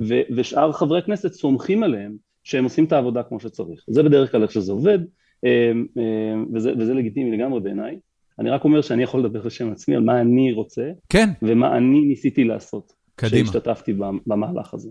אני כן רוצה לחזור לירד אור, כי זה קשור. אוקיי. זה, הכי, זה הנקודה החשובה כאן. אוקיי. שיטת משטר בסופו של דבר, כשהולכים אחורה, אחורה, אחורה, יש איזשהו קיר שנתקעים בו. מישהו צריך לקבל את ההחלטה לגבי, רק רגע, מישהו צריך לקבל את ההחלטה לגבי עצם, ה... עצם השאלה, מי בסוף בסוף בסוף הוא זה שמקבל את ההחלטה על כל דבר. אתה מצחיק אותי. חייב... אתה יודע מה זה מזכיר שנייה. לי? סליחה שאני עוצר. לא, אני רוצה שתחזור לזה, אבל אני חייב לספר לך אנקדוטה. יש לי חבר כן. טוב, ש... אה, התגרש ואז התחתן פעם שנייה. וסיפר לי שלפני שהוא התחתן עם אשתו השנייה, אז הוא אמר לה, תראי, אני כבר הייתי נשוי פעם ואני יודע איך נישואים נראים, אז אני, אני, אני חושב שאנחנו צריכים שיהיה בינינו איזושהי חלוקת סמכויות, כדי שנחיה טוב ביחד. אז היא אמרה לו, היא אישה מאוד חכמה וחריפה, אז היא אמרה לו מיד, זה ברור לגמרי, וכבר יש לי את המנגנון. אז הוא אומר לה, אה, יופי, מה המנגנון? אז הוא אומר לי, אז היא אומרת לו, תראה, יש אה, החלטות קטנות ויש החלטות גדולות. אתה תקבל את ההחלטות הקטנות, אני מקבל את ההחלטות הגדולות. אז הוא אומר לה, ומי מחליט מהי החלטה קטנה והחלטה גדולה? אז היא אומרת לו, אה, זה החלטה גדולה. בדיוק. ו- אבל זה לא פותר אותנו מהשאלה, אז, אז מה עושים? ו- וגם אם ניקח את הדוגמה הזאת של בני זוג שצריכים לקבל החלטה כזו, אז אם הם חכמים הם ייתנו את זה למישהו אחר שהם סומכים עליו. שיקבל את ההחלטה במקומם. אמ, כי, כי, כי לא, או שהם פשוט יחליטו שיש סוג מסוים של החלטות שהם לא יכולים לקבל. לפעמים אי אפשר פשוט לתפקד ככה. אני רק אומר, בכל מסגרת חברתית שהיא יותר מבן אדם אחד, ממש בהגדרה, וזוג זה תמיד הדוגמה שמביאים כהדוגמה הראשונה ליוניט אה, חברתי שדורש קבלת החלטות משותפת, שלפעמים, אה, כשיש, כי יש ויכוחים, כי יש מחלוקות, לגבי מה צריך לעשות, חייבים איזשהו מנגנון קבלת החלטות. זה יכול להיות היום אני מחר אתה, זה יכול להיות תמיד אני כי אני יותר חזק ממך, זאת, זה מנגנון של קבלת החלטה שאנחנו, הוא מנגנון, אנחנו חושבים שהוא לא לגיטימי, אני חושב, נראה לי, אני מקווה, זה לא כזה מובן מאליו היום, יש מי שחושב שזה דווקא אולי רעיון טוב.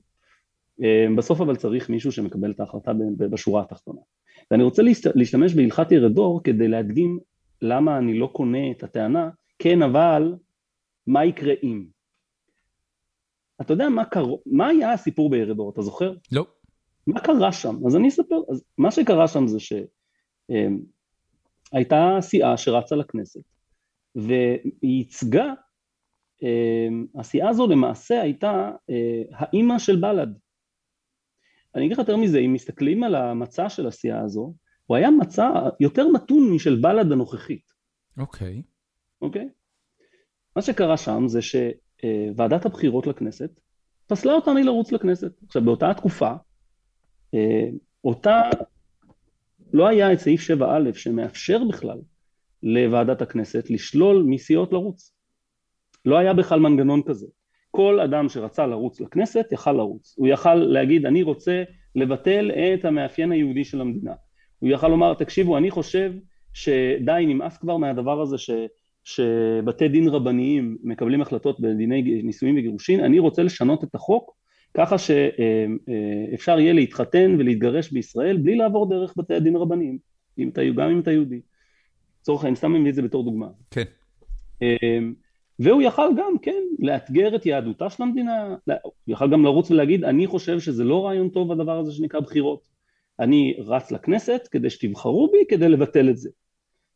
אני אהיה קצת אה, אולי, אולי כפרובוקציה, אה, מה יקרה אם מפלגה, קצת שואל מה, אה, מהספר של שמחה, מפלגת בג"ץ, והיא תגיד, אנחנו רצים לכנסת כשהמטרה היחידה שלנו זה לחוקק חוק שאומר שבית המשפט העליון יש לו את הסמכות לקבל כל החלטה בכל נושא לפי שיקול דעתו והוא יכול לפסול כל אקט חקיקתי או מנהלי של הממשלה או הכנסת ו- ו- ולעגן את, ה- את הליך הבחירה שלו באופן של אי אפשר לשנות את זה בפחות מ-90 ח"כים.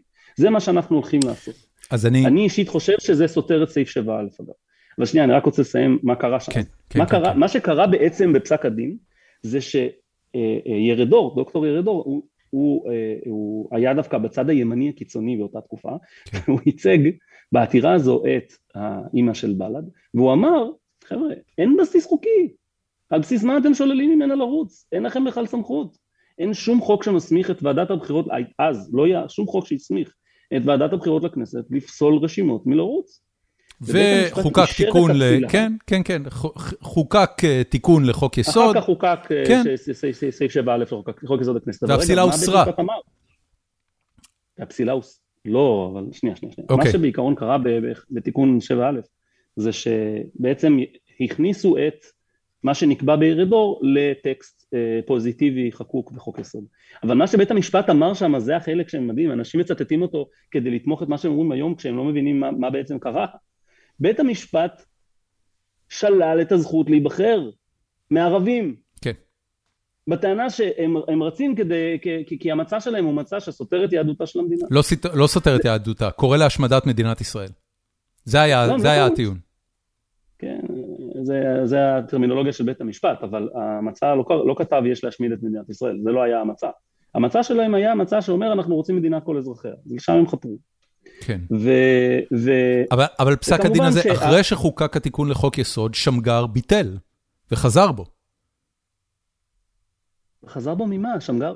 שמגר לא היה... אני, אני מקריא לך מתוך המאמר שבו לא. אני למדתי על, על פסק דין ירדור. בשנת 1984 כן. פסק בית המשפט העליון, ובראשו הנשיא מאיר שמגר, בפסק דין ניימן הראשון, שהלכת ירדור אינה חלה על רשימות השוללות את אופייה הדמוקרטי של המדינה, ושאין להרחיבה. בית המשפט קרא לכנסת לקבוע בחוק אלה רשימות, אילו רשימות ניתן לפסול. בעקבות זאת חוקק סעיף 7א, ובשנת 1988 פסק הנשיא שמגר בפסק ניימן השני, בהסכמת חמשת חברי ההרכב שיש לפרש סעיף זה באופן מצומצם, אך ניתן לפסול על פיו את רשימת כך, בגלל נושאים אחרים לגמרי. כן, לא, זה לא כזה, אני מסכים איתך, נכון, בניימן שמגר ביטל את הלכת ירדור, אתה צודק משפטית. אבל אני מדבר על הלכת ירדור ומי שמנסה להיבנות ממנה. בוא ניקח צעד אחד קדימה. ירדור... תקשיב, בוא ניקח צעד אחד קדימה. אני מבין ממה שאתה אומר לי, שבעצם אתה בא ואומר, תקשיבו, ככל שזה נוגע לאיזון בין בית המשפט העליון קובע אחרון, לבין הכנסת קובעת אחרונה, בגלל שהכנסת מבוססת על קולות הציבור, היא הגוף היחיד בארץ שנבחר ישירות על ידי קולות הציבור, שם צריכה להיות המילה האחרונה. צריך להיות מנגנון בין הרשות המבצעת לשופטת, למחוקקת, שבו אחרי שגומרים את כל הסיבוב הארוך הזה, והמבצעת עושה מה שבא לה וזה מרסן אותה, והמחוקקת עושה מה שבא לה, והשופטת עושה מה שבא לה, אחרי שגומרים את כל הסיבוב הארוך הזה, בסוף, אם זה מה שהציבור רוצה, זה מה שצריך לקרות.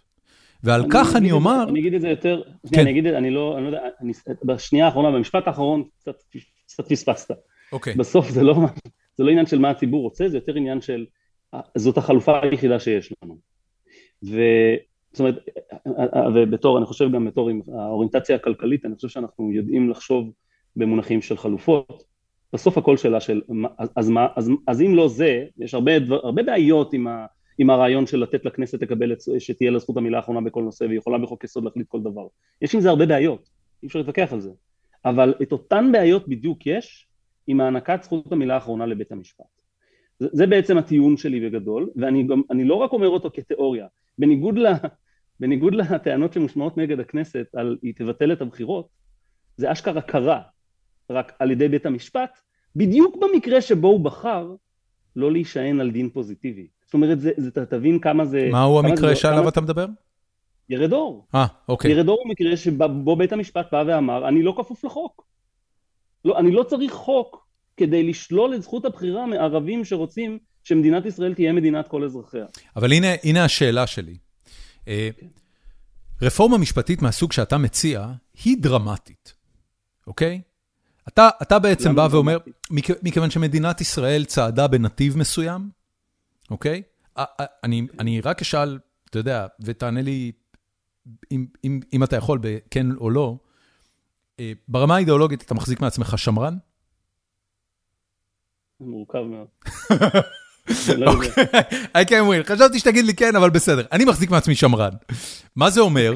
זה אגב לקח לי זמן להגיע לשם, לקח לי הרבה שנים להגיע להיות שמרן, אבל בסוף הבנתי שכשאני... הבנתי גם לאיזה שמרן, זה גם תלוי לאיזה שמרן. כן, כן, כן, שמרן במובן של... לשיטתך, התשובה היא כן. אוקיי, מצוין. זאת אומרת שינויים... מודל הקפלות, שמרן במודל הקפלות. אני לא יודע מה זה מודל הקפלות. שמרן במובן של אוהב לשמור על הקיים. If it's not broke, don't mess with it. אני אתן את המשל, המשל המפורסם, אתה מכיר את המשחק הזה? משחק של קפלות, ששמים אותם אחת על השנייה ובונים מגדל. אוקיי. ואז צריך להוציא אותם בלי לשבור. אוקיי. בלי להפיל את המגדל. כן, אתה לא יודע מה זה יפיל, אתה לא יודע... אתה לא יודע מה זה יפיל, נכון, אל תיגע. נכון. תיזהר. במובן הזה, אוקיי, עכשיו, חלק מאוד גדול ממצדדי הרפורמה קוראים לעצמם שמרנים. איך יכול להיות אדם שמרן, שבהגדרה נזהר בלעשות שינויים דרמטיים ומהירים, כי הוא לא יודע מה הוא ישבור בדרך? איך יכול להיות אדם שמרן, שכשעיתונאי או, או איש ציבור מאמת אותו עם פחדים קונקרטיים של מה שהשינויים שהוא מכניס למערכת הולכים לחולל, הוא אומר לו, אני מזלזל בפחדים שלך. איך, איך הדבר הזה עומד בכפיפה אחת? עם, עם uh, תפיסת עולם שמרנית. הרי כל העניין של תפיסת עולם שמרנית זה, אני מקבל את הפחדים שלך, והנה איך אנחנו הולכים להתמודד איתם. הנה איך אנחנו הולכים להיזהר בהם. הנה איך אנחנו הולכים לעשות את זה קטן ולאט ובהסכמה רחבה. איך הדבר הזה מתיישב עם מה שראינו במדינת ישראל בשמונה החודשים האחרונים? אז, אז קודם כל, אני חושב ששמרנות היא, היא, היא, היא שיקול. היא לא, היא לא אקסיומה. זאת אומרת, אין ספק שגם השמרנים הגדולים ביותר יסכימו שלפעמים נדרשת, נדרשות החלטות שהן פחות שמרניות, כדי להגן על תפיסת העולם הכללית יותר, שהיא, אנחנו רוצים לקדם, זאת אומרת, אם, אם, אם המשמעות של שמרנות, לדוגמה, ב, בבריטניה, ש... כן, נלך לברק, ברק לא התווכח על זה שצריך לבצע דמוקרטיזציה רצינית מאוד לכל, ה, לכל המערכת הפוליטית בבריטניה אז, לא התווכח על זה.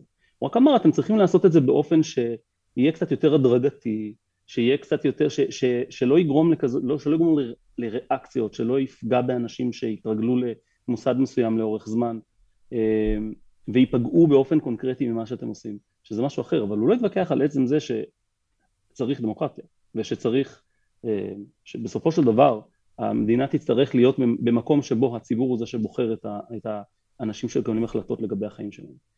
אבל אני חייב להתייחס שנייה, לזלזל בפחדים שלך. אני, זה, זה מתחבר קצת לחלק מהבעיה בשיח שהיה בשמונה, תשעה חודשים האחרונים, שחלק מאוד גדול ממנו פשוט מבוסס על עובדות לא נכונות.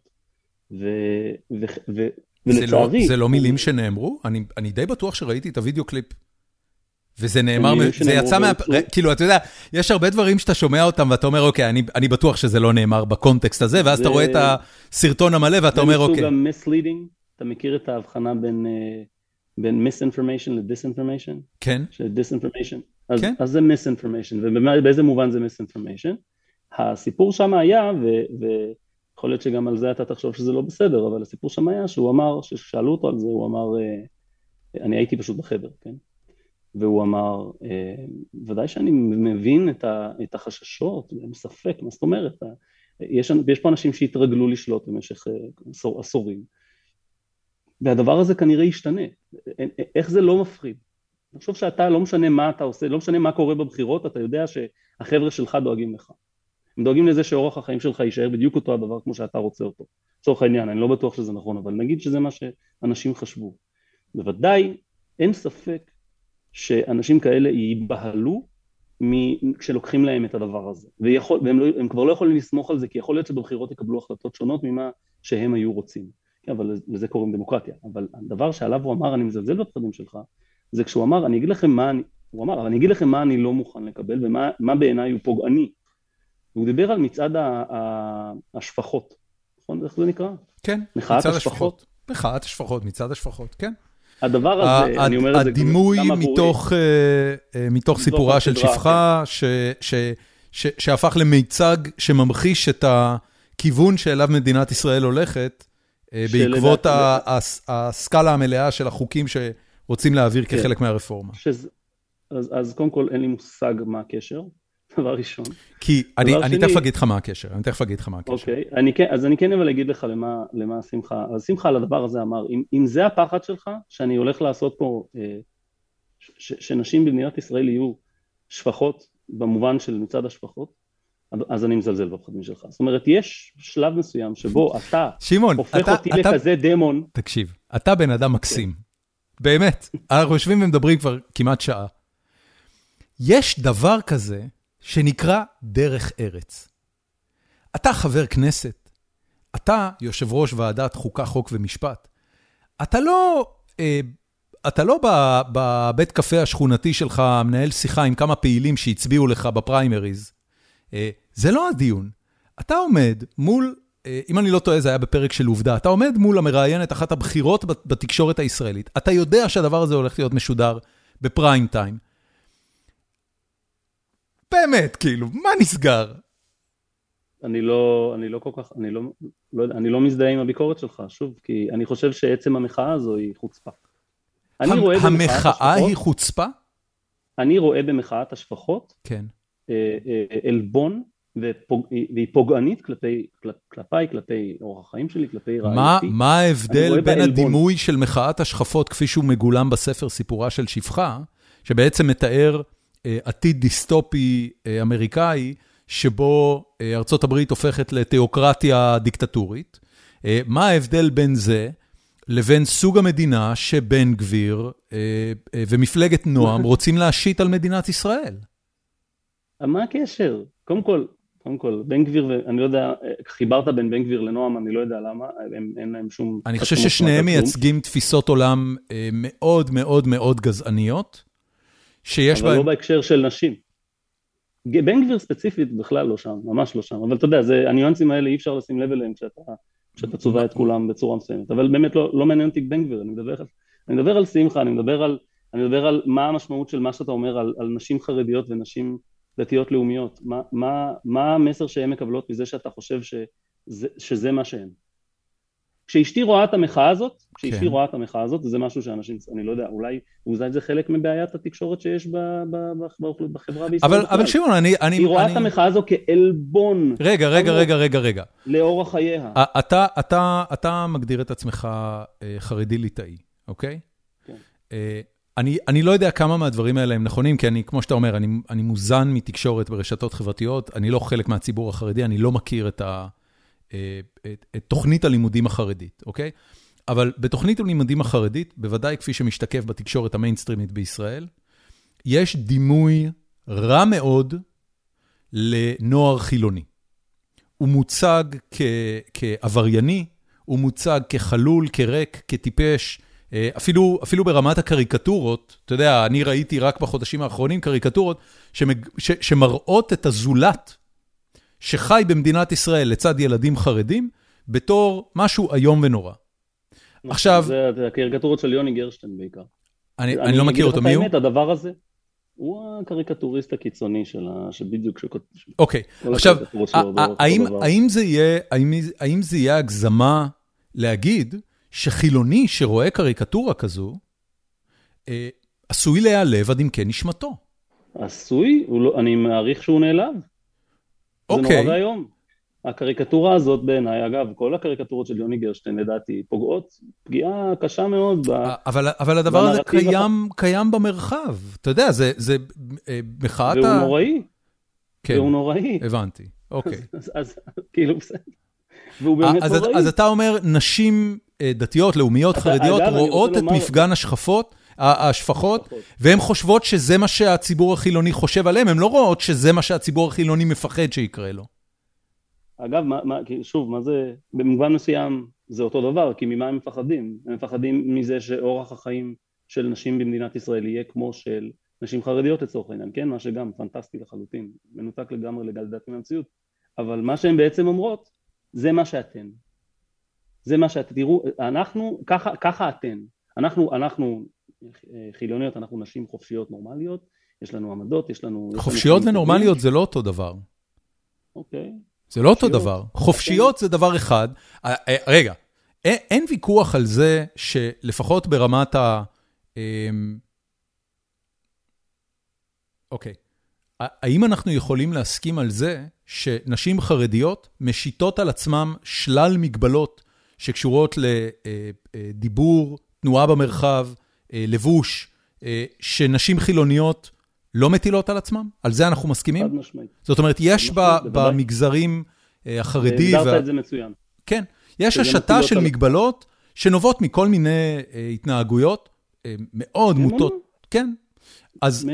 אז אתה לא מבין למה הדבר הזה מפחיד נשים חילוניות חופשיות? אני לא מבין.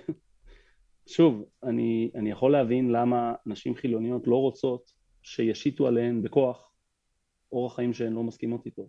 אין על זה שום ויכוח, וגם אני לא חושב שיש מישהו שרוצה לעשות את זה. על מה אתה לא מדבר? איך אתה אומר את המשפט הזה? את זה? מה זאת אומרת? כשאומרים לנשים לזוז אחורה באוטובוס, הרי יש עשרות אם לא מאות מקרים שקרו בשנים האחרונות בישראל סביב זה. צריך להיזהר עם, צריך להיזהר עם, ה, עם הסיטואציות שעליהן מדברים.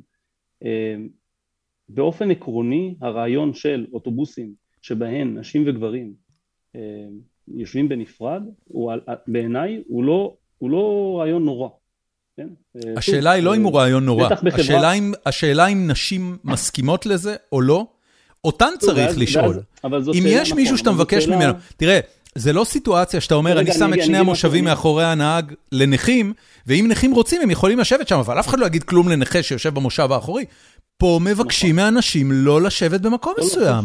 שוב, אני אומר, אבל אם אנחנו מקבלים, ופה, זה, ופה נכנסת לוגיקה, אם אנחנו מקבלים שאורח החיים של החברה הזו הוא כזה, ואגב, אה, אנשים לא מבינים את זה מספיק, כי שוב, כי יש מרחק, יש פער, ואני בתור מי שנמצא בשני העולמות יכול ממש לראות את הכשל התקשורת הזה.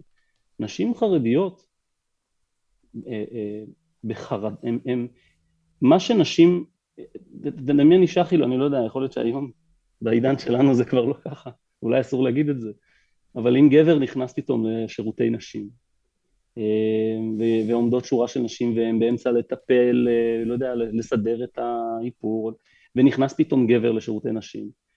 אני משער לעצמי שהרבה נשים שהן לא חרדיות ולא דתיות בכלל ירגישו לא נעים. תהיה, תהיה איזושהי סיטואציה של אני מרגישה לא נעים עכשיו, שיש עכשיו גבר איתי בחדר, אוקיי? בחדר השירותים אני מדבר, ספציפית. כן. בשירותים ציבוריים. אה, אני מרגישה לא נעים.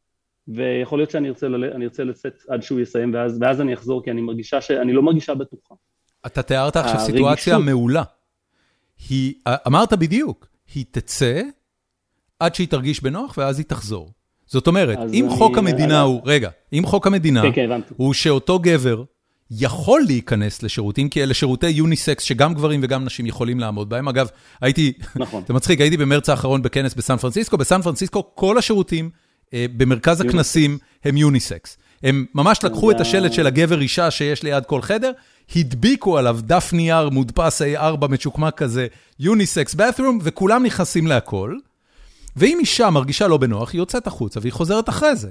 אבל היא לא תבקש מהגבר, סליחה, אדוני, עכשיו, ועכשיו מה קורה בסיטואציה שבה אנחנו כן מקבלים החלטה שמפרידים מגדרית שירותים, זה מה שקורה במדינת ישראל כעניין של אה, פרקטיקה ברוב המקרים, ונכנס גבר לשירותי נשים. האם במקרה כזה, ולהפך, האם במקרה כזה אפשר לבקש, ב, אפשר לבקש בנימוס, אפשר לשאול האם יכול להיות, לאו לאו דווקא בנימוס, האם יש כאן איזושהי חובה שחלה וזכות למי ש... אני חושב שש, שכשזה נוגע לשיקולים דתיים, אחד הדברים היפים ביותר במדינת ישראל, שאני אוהב באמת ו- וממליץ בחום לכל חבריי היהודים פה בארצות הברית וגם לתיירים, אם יש להם הזדמנות לחוות אותו, זה יום כיפור. אין חוק שאוסר על נסיעה ביום כיפור. יום כיפור, מצוין. מעצם היותו היום הקדוש ביותר בלוח השנה היהודי, אה, לפחות נתפס ככזה, כולם מכבדים אותו בצורות שונות. הציבור החילוני כן נותן לילדים שלו לנסוע על אופניים, כמובן שחרדים מרגישים שהדבר הזה הוא חילול, אבל זה מייצר, תקשיב, יום כיפור בישראל זה חוויה סוריאליסטית לגמרי. כל בן אדם שאי פעם דיברתי איתו, שיצא לו לחוות את זה, היה אסיר תודה על זה שהוא זכה לחוות את זה, הוא אומר, לא ראיתי כזה דבר בחיים שלי. בטח בעיר מעורבת כמו תל אביב, שלידה יש את בני ברק, אתה יודע, זה כאילו באמת משהו מדהים. מה שנקרא, מה שנקרא שבת בבני ברק. כן, כש, כשיש על זה קונצנזוס ברמה הלאומית, אה, לא צריך חוק, ובני אדם מתנהגים כמו בני אדם. אני אגיד לך... וברגע שאתה מתחיל להכניס את מערכות או- החוק פנימה, רגע, רגע, או. you או. get shit. לא, לא, וזה מה שאתה מקבל עכשיו. הנזק שנגרם מזה שאנחנו צריכים לקבל, אתה נכנס לדברים שאני כותב עליהם כבר שנים.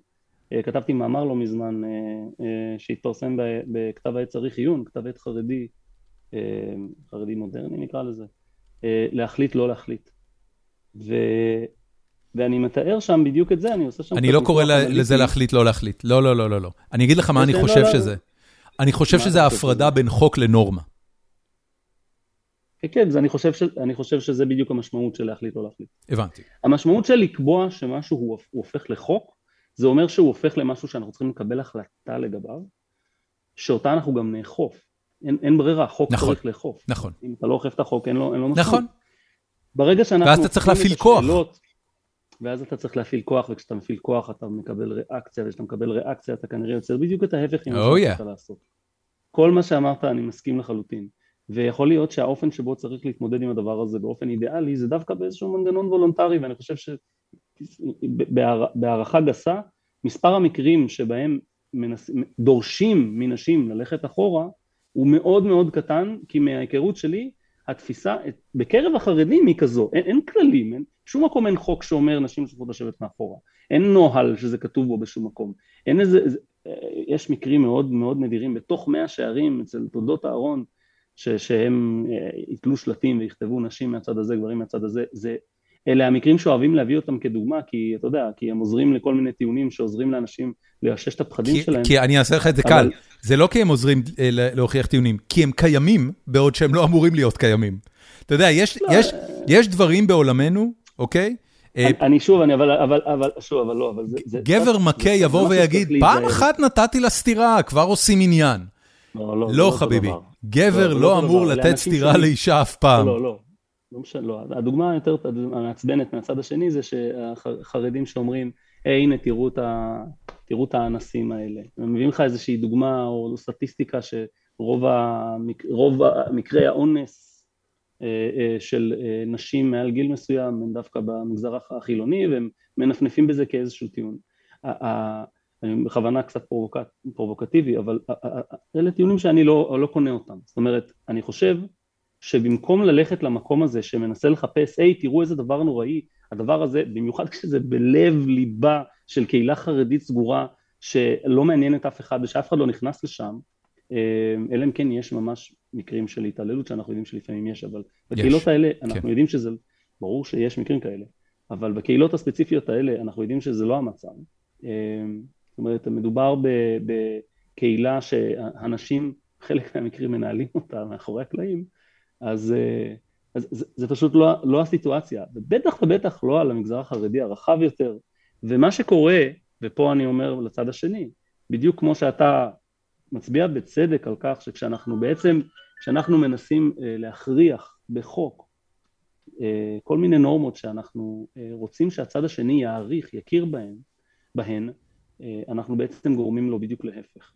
וזה נכון לשבת, זה נכון לנישואים לגירושין, הסיבה שחילונים הולכים פחות ופחות לרבנות זה בדיוק בגלל שהם חייבים. כן.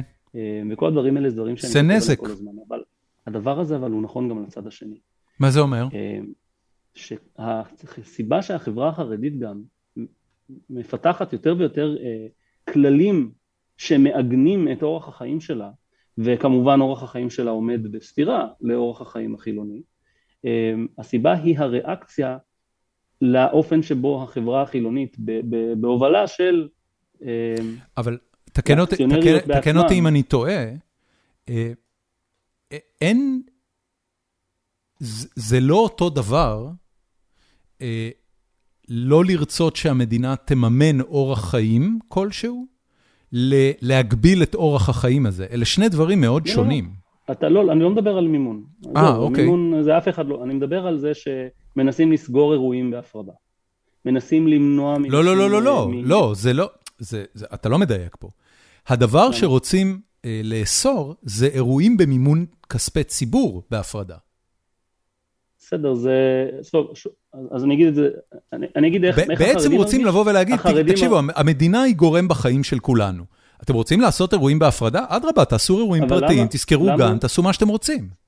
מה, מה שאתה בעצם אומר בזה, זה שהדיפולט של המוסר זה מה שחילונים מאמינים, והדיפולט של אורח החיים שלי ושל המוסר שלי, שלי ושל איך שאשתי רוצה להתנהל, ואיך שהבנות שלי ירצו להתנהל, ואיך שאימא שלי רוצה להתנהל, הדיפולט הזה הוא, הוא פגום, הוא לא מוסרי, ברמה שאתה בעצם אומר, אנחנו מסכימים לממן רק את זה ולא את זה.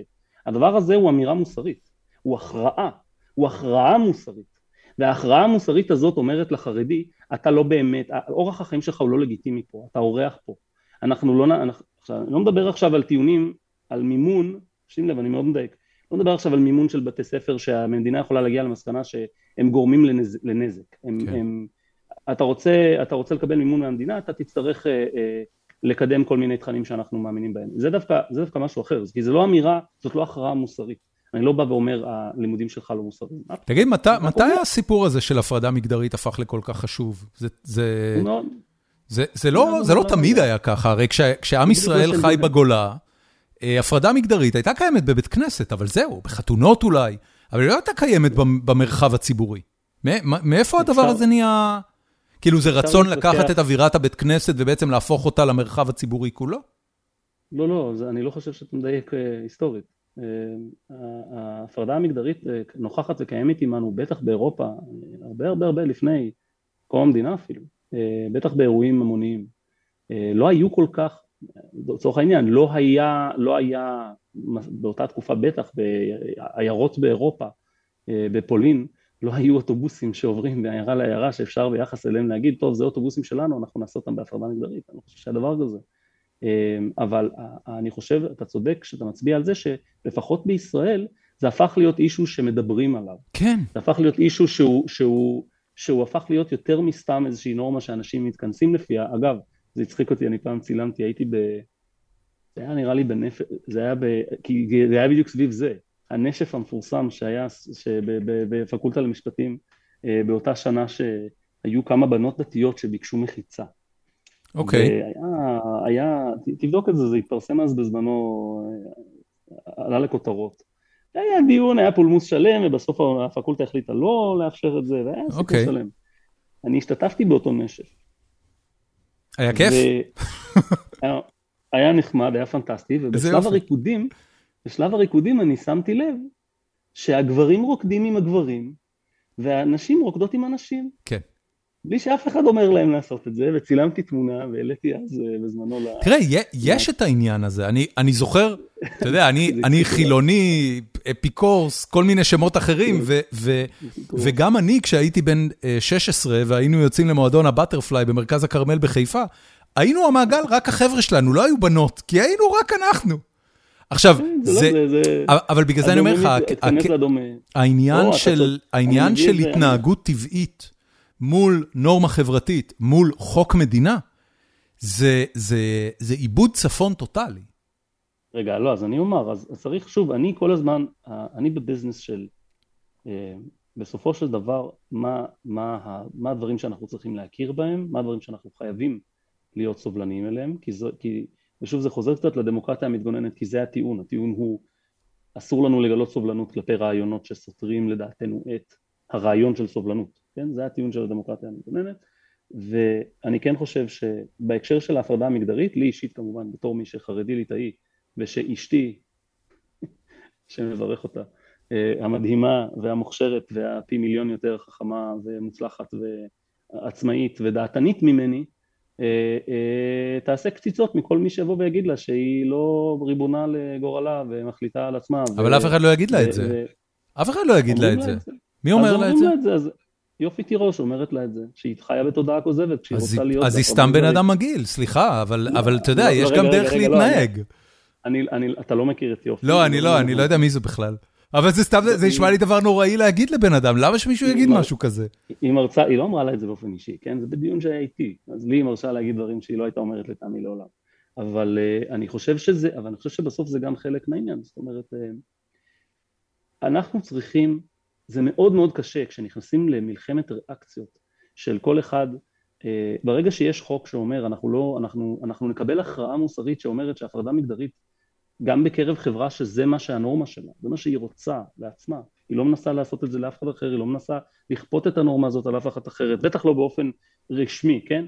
ובמקרים שבהם יש כפייה כזו, הם יצביעו על זה ויגידו לא, זה לא בסדר, וזה מה שהרבנים עושים בכל המקרים האלה שצפים, אז אני חושב שהחברה הזאת צריך להכיר בערכים שלה כלגיטימיים. ואם אנחנו לא מקבלים את הערכים האלה כלגיטימיים, הריאקציה שהחברה הזאת תגיב, תהיה, של החברה עצמה, תהיה לקבע עוד יותר את הכללים האלה. ואז אנחנו בעצם בפינג פונג שהולך ומקצין, זה דומה לקיטוב שאנחנו חווים כן. במדינת ישראל באופן כללי. הדבר הזה הוא, אפשר תמיד להגיד אתה אשם כי אתה רוצה את הדבר הלא טוב, אבל אני חושב שזה לא... אני לא חושב שכל. רגע שבו אדם מעז אה, לפתח את גבהות הלב והחוצפה האישית, להגיד לבן אדם אחר איפה הוא צריך לשבת, לאן הוא צריך לזוז, מה הוא צריך לעשות, והדברים האלה מגיעים לאלימות, הם מגיעים להרמת קול, הם מגיעים לדחיפות, אנחנו רואים את התקריות האלה כל יום. זאת בדיוק הנקודה שבה אתה אומר, אוקיי, אדוני, you're becoming an asshole, כן. זוז אחורה. נכון, ואני חושב ש... אני, אני חושב אבל שהאופן שבו אנחנו צריכים להתמודד עם, ה- עם, ה- עם הבעיה הזו, זה ללכת אחורה ולהסתכל על, ה, על, ה, על, ה, על מה שגורם לה, על הנסיבות לה. ו, ו, כי זה לא עוזר סתם להגיד... מה שגורם אתה- לנסיבות אתה- שלה זה שאנשים מרגישים שמגיע להם. אני לא חושב שזה ה- שזו לא התשובה היחידה. באמת, אתה לא חושב. שזו תפיסת עולם פריבילגית? אני חושב שכשדוקטור יופי תירוש לצורך העניין אה, מצדדת בלמנוע מנשים חרדיות לחיות את אורח חייהן כנשים, בהפרדה מגדרית כפי שהן מעדיפות, אני חושב שהיא מאמינה באמונה שלמה ש, שהיא פועלת לטובתן.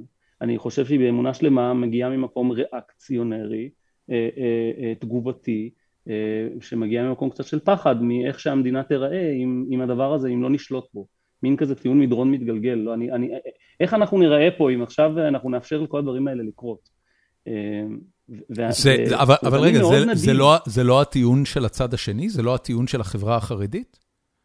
של, כן, של, של אין הטיעון. טלפונים סלולריים, של, של סגירות, של חוסר אימוץ טכנולוגיה, במקרים מסוימים עד למצבים מסכני חיים? אה, אה, רגע, רגע, טוב, זה- במצבים מסכני חיים אני חושב שזה, זה, בוא נגיד ככה, זה היה אירוע פוליטי נקודתי שמטופש לחלוטין, אתה מכיר את הסיפור? אני לא יודע זה ספציפית למה אתה מתכוון. על הסיפור של, ה, של המספרים המצילי חיים ב- של טלפונים כשרים. אה, לא, לא על זה דיברתי, אני דיברתי על משהו אחר. אני דיברתי על קהילות חרדיות מסוימות אה, שמסרבות לאמץ טכנולוגיות רפואיות, שמסרבות אה, לתת לרפואה להתערב במצבים מסוימים, כי שהם מצבים מסכני חיים. אבל לא משנה, לא ניכנס לזה. זה דבר- נדיר מאוד, זה זה- נדיר מאוד. אתה צודק שזה נדיר, אבל לצערי הרב זה קיים. וזה מזעזע אותי שזה קיים. זה זה הסיפור. לא, תקשיב, אני- שמעון, אני, כן. רוצה לתת לך לסיים משפט, וברשותך, קודם כל, תקשיב, אה, אני- אני כל כך נהנה מהשיחה איתך. אה, אני שמח לשמוע. באמת, זה, זה נ- נדיר לי מאוד לשוחח עם אנשים מתפיסות עולם מאוד שונות ממני, בטח שהם עושים את זה בנחת ובאינטלקט, ולא ב... אתה יודע, טיעונים אמנון יצחקיים על, על, על... אתה צוחק, אתה יודע בדיוק על מה אני מדבר. כן, כן. אני, אני רוצה אבל לעצור פה, לפודקאסט הזה יש פורום, קבוצת פייסבוק שנקראת פורום החיים עצמם של גיקונומי. אני פרסמתי ביום ראשון שאתה הולך להתארח פה, וכמו בכל פרק הזמנתי את המאזינים שלנו, שהם אנשים סופר אינטליגנטים ומיודעים היטב, לשאול אותך שאלות, ויש לי סט של שאלות מהקהל שאני רוצה לשאול. אז ברשותך, okay. את, את 20 הדקות שנשארו לנו, ולדעתי בקלות הייתי יכול לדבר איתך עוד שעתיים, אבל, אבל את הש... אני, אני רוצה קצת לעבור לשאלות מהקהל, בסדר? בסדר. אגב, התמונה שפרסמתי כדי, כדי ל, ל, לספר שאתה הולך להשתתף בפרק, הייתה התמונה שלך עם אהרון ברק. איך היה להיפגש איתו? אמ, קודם כל זאת לא הפעם הראשונה, כשאני אני גם כתבתי מאמר תגובה שלו, בדיוק בסיפור של מגילת העצמאות אגב. אני כתבתי מאמר תגובה מאוד יוריספרודנטי, רוב האנשים כנראה לא יצליחו לקרוא אותו. מה זה אומר המילה הזאת, יוריספרודנטי? יוריספרודנטי, תורת משפטי. הבנתי. הוא עוסק בשאלות המטה של שיטת משפט. אוקיי. אמ, פשוט אה, אני חשבתי שהוא עשה שם שגיאה בהבנה של תיאוריית, התיאוריה הטהורה של המשפט של האנס קלזן, אה, וכתבתי על זה. הבנתי. אז, אז היה לי גם אז אינטראקציה איתו, ישבתי איתו להבין ממנו מה הוא כתב, והוא ניסה להבין ממני מה, מה ההערות שלי. אה, גם במהלך הכתיבה של הספר על פרשנות חקיקה בישראל, אה, שלחתי לו את הטיוטה וקיבלתי ממנו הערות, גם שוחחתי איתו בטלפון אה, כמה פעמים לקראת פרסום הספר. מה הייתה ההערה הכי טובה שלו בעיניך? על הספר? כן. האמת שרוב ההערות שלו היו דיוק של איך שאני הצגתי את העמדה שלו. אה, והוא כן, הוא כאילו, הוא דייק אותי, לא, לא הייתה, קשה לי לומר שהייתה לו איזושהי הערה אחת גדולה ש...